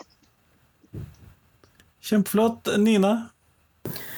Jeg er helt enig. Jeg tenker at uh, Det som var litt av synd altså det, Reformen ville rydda opp i en del ting. Uh, det var liksom sånn, litt sånn vel konglomerat av ting og tang og veier. Og, og, elevene klarte heller ikke å holde oversikt over det. Men det strømlinjeforma kanskje litt for mye. Og det ser man jo nå når man prøver å åpne litt mer opp for delkompetanse, litt mer opp for ulike veier for å uh, for å nå et mål. Da. Fordi det er noe med hva, hva gjør det med deg at du liksom ikke har gjennomført videregående. Eh, altså det, det, blir på en måte et, et, veldig taperstempel på det, som ikke egentlig sier noe om, om hva det er du har tapt. Da. Eh, sånn at eh, jeg er litt så skeptisk til å måle på, på, gjennomføring. For jeg tenker at eh, målene våre ikke kan gå på det. Det er et feil mål å sette for om man har lyktes eller ikke. Jeg er jo opptatt av de tingene som er kanskje litt vanskeligere å måle, men med eh, det å leve gode liv, så mener jeg jo at man opplever livet sitt som meningsfylt. At man føler at man får utvikle seg, at man inngår i positive relasjoner, at man har opplevd på en måte kjærlighet. Da. Eh, sånne type ting er jo mye mer viktig for et menneske om hvorvidt man har fullført videregående eller ikke. Det blir liksom sånn, det blir så smått i, i sammenhengen. Og spørsmålet er jo hvordan er det man kan tilrettelegge for at folk kan klare å å føle det, eh, på tross av at skolesystemet ikke har vært tilpasset de og ikke klart å møte de på en ok måte. For det er jo skolesystemet som har feila når ikke vi klarer å hjelpe elever igjennom, når elever gir opp, når vi ikke får til Eh, og utnytte den kompetansen som ligger i det, ikke klarer å, eh, å motivere det, så, så, speiler det også tilbake på oss selv. Da. Så hvor dårlig er vi som mister liksom en tredjedel av menneskene vi drar i gang gjennom et skolesystem og ikke klarer å fange dem opp, men som andre heldigvis klarer å fange opp. Da. Så det går veldig bra med mange av de. Fordi det er andre veier og andre folk som kan ta, deg, ta seg av dem utafor skolesystemet. Men, men, jeg tenker det ikke blir det riktige, at det ikke blir det riktige målet. da. Eh, funker du i samfunnet, liksom? Har du en plass i samfunnet som du er fornøyd med, så er det bra. Litt sånn uavhengig av hvor mange studiepoeng du har, eller hvor, hvor gode karakterer du hadde fra videregående, eller om du strøyk i matte da, på første klasse, eller ikke.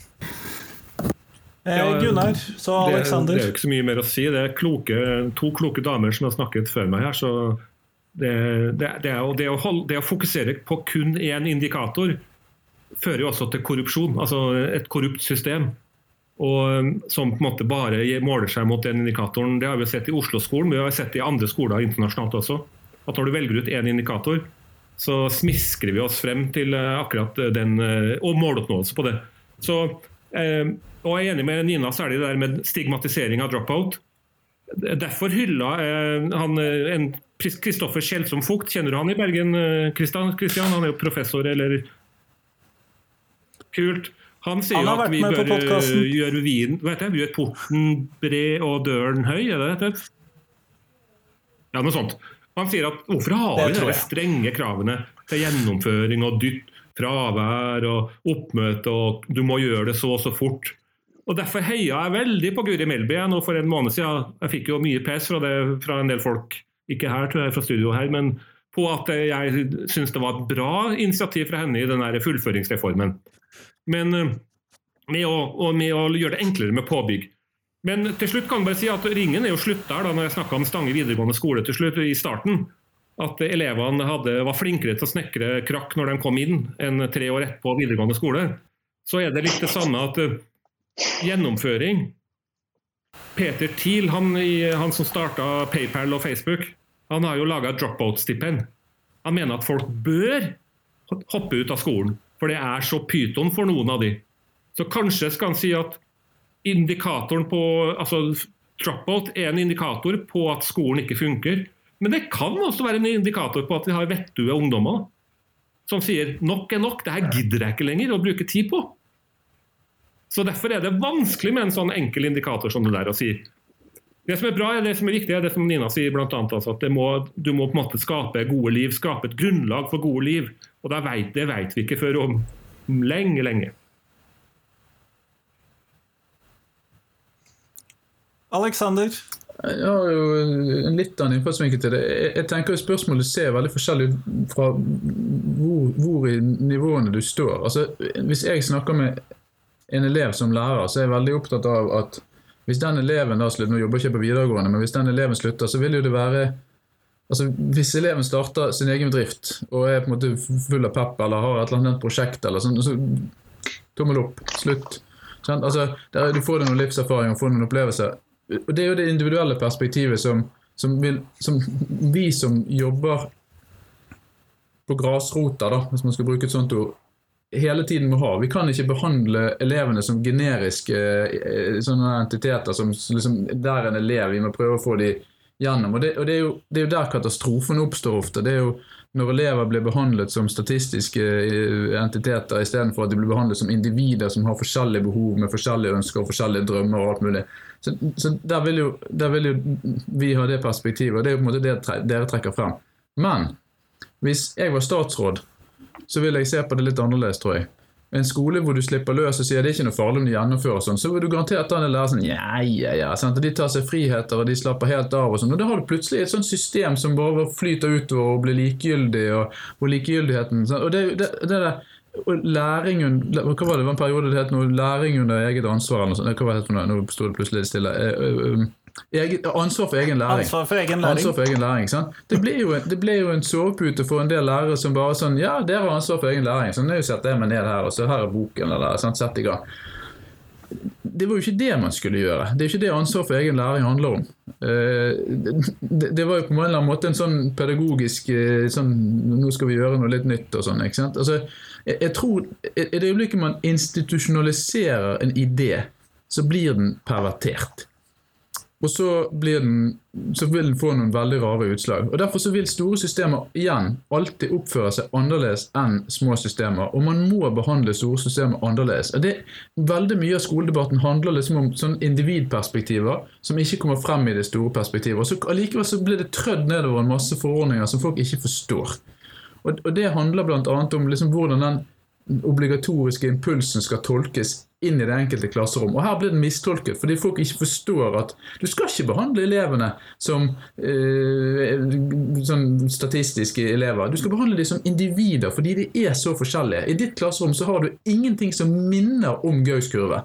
Du har bare de 20 elevene som du skal forholde deg til. Og så er det på en måte fordi det store systemet forstår at de nede på gulvet de trenger stor frihet for å kunne operere nettopp i den i det kaosfeltet som på en måte skolen representerer, hvor du hele tiden må gjøre om på ting, og folk ikke forstår det som var intensjonen med undervisningsopplegget, så må du snu på det, og så må du sånn. Og det, det, krever kreative, veldig dedikerte lærere. Og så vil på en måte ikke det store systemet ha 70 000 kreative, dedikerte.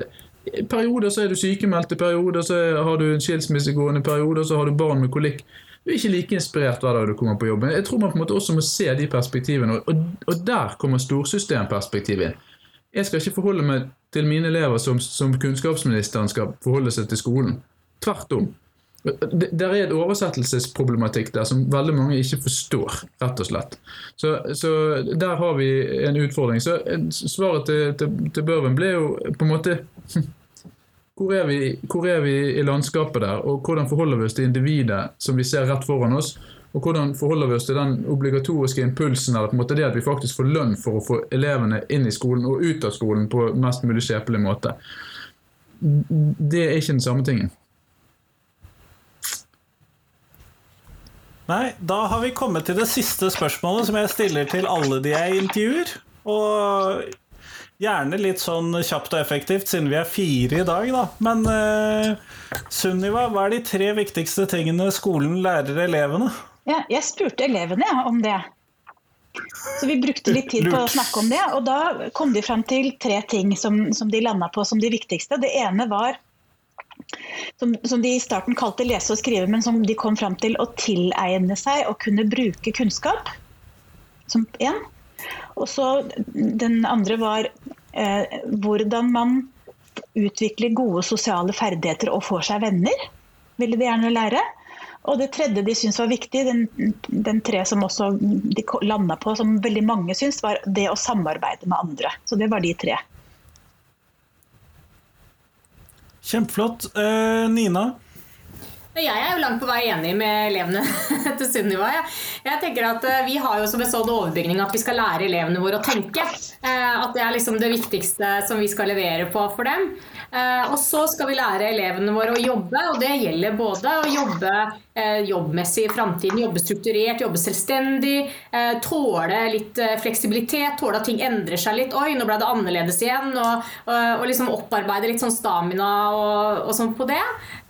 Og det tredje er eh, medmenneskelighet. Både når det gjelder i samarbeid med andre, det å tåle andre, tåle andres eh, annerledeshet, eh, romme folk på en ok måte. Og møte ting vi i utgangspunktet ikke er så komfortable med, på en ålreit måte og med litt eh, hva skal jeg si, empatisk nysgjerrighet. Sånn at eh, man kan utvikle seg videre og fungere godt sammen med mennesker fra ulike steder og med ulike bakgrunner. Da. Så det tenker jeg kanskje er de, de tre tingene. Det korresponderer jo en del med det som Sunniva tok opp også. Kjempeflott. Da er det Gunnar sin tur. Vær så god. Ja, nei, igjen, det er, og det er så vanskelig å komme etter disse to her, så det er ikke så mye klokt å si. Men eh, eh, punkt én eh, ikke godta hva som helst. Ikke godta at du blir behandla som en dritt fordi at du ikke er flink i eh, faktorisering. Eh, 30-årskrigen og en som starta den, og navnet, fornavnet på Gandhi. Altså, du skal ikke godta det, at et system dytter deg ut og forteller at du er dum som ikke får til dette her. Eller at andre mennesker setter deg i den båsen. Og Der mener jeg vurderingspraksisen bl.a. i skolen er, dessverre er på feil, eh, feil side. Det andre er at eh, skolen må skaffes, skaffe meg en jobb. Jeg vil ha en skolegang, så gi meg en jobb snarest mulig. Gjerne i åttende klasse. Kanskje før. Kanskje allerede på barneskolen. For det er jo det folk er ute. Folk er ute etter å få seg en bra jobb, interessant jobb, og som sådan få et OK liv. Og det andre tredje jeg mener skolen må jobbe mer med, det er å hjelpe folk å få seg en kjæreste.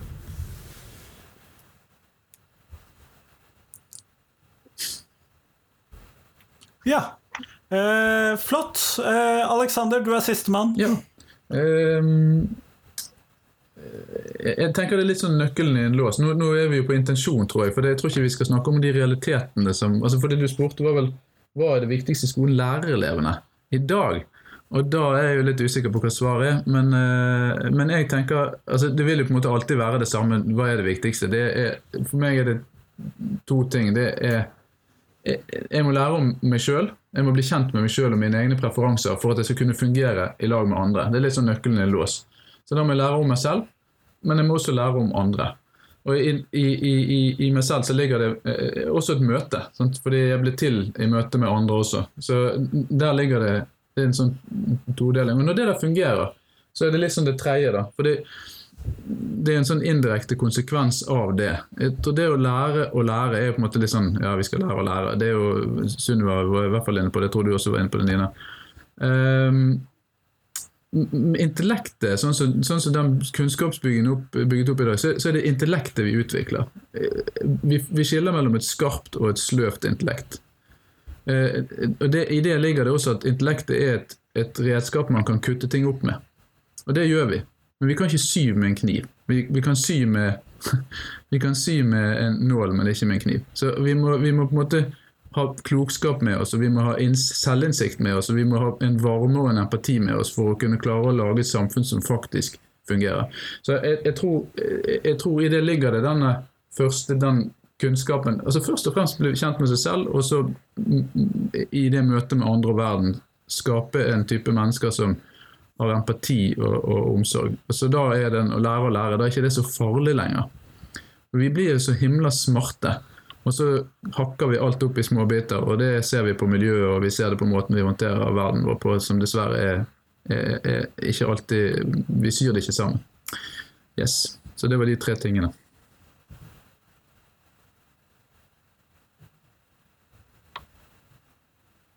Det har det. Tusen takk for at jeg fikk være med. Takk for at du fikk være med. Kjekt.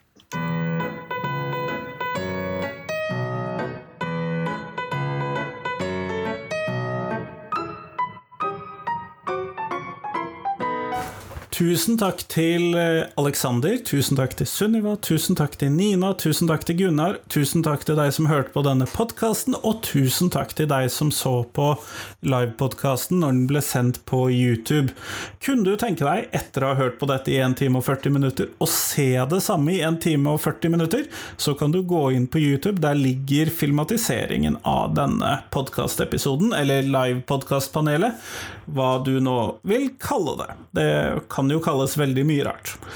Dette er eh, en av mine sjeldne podkastpaneler, eh, en av mine sjeldne livesendinger, og jeg håper at du satte pris på det.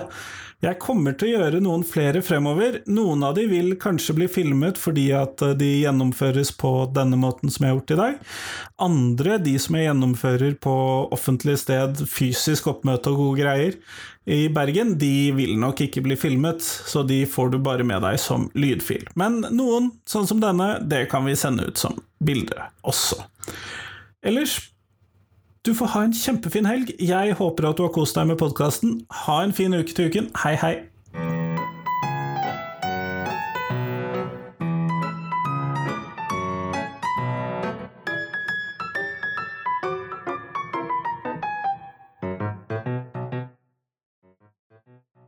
Husk at du kan gå inn på Facebook og finne Facebook-gruppen Lektor Lomsdalens innfall hvis du har lyst til å være med og diskutere norsk skole.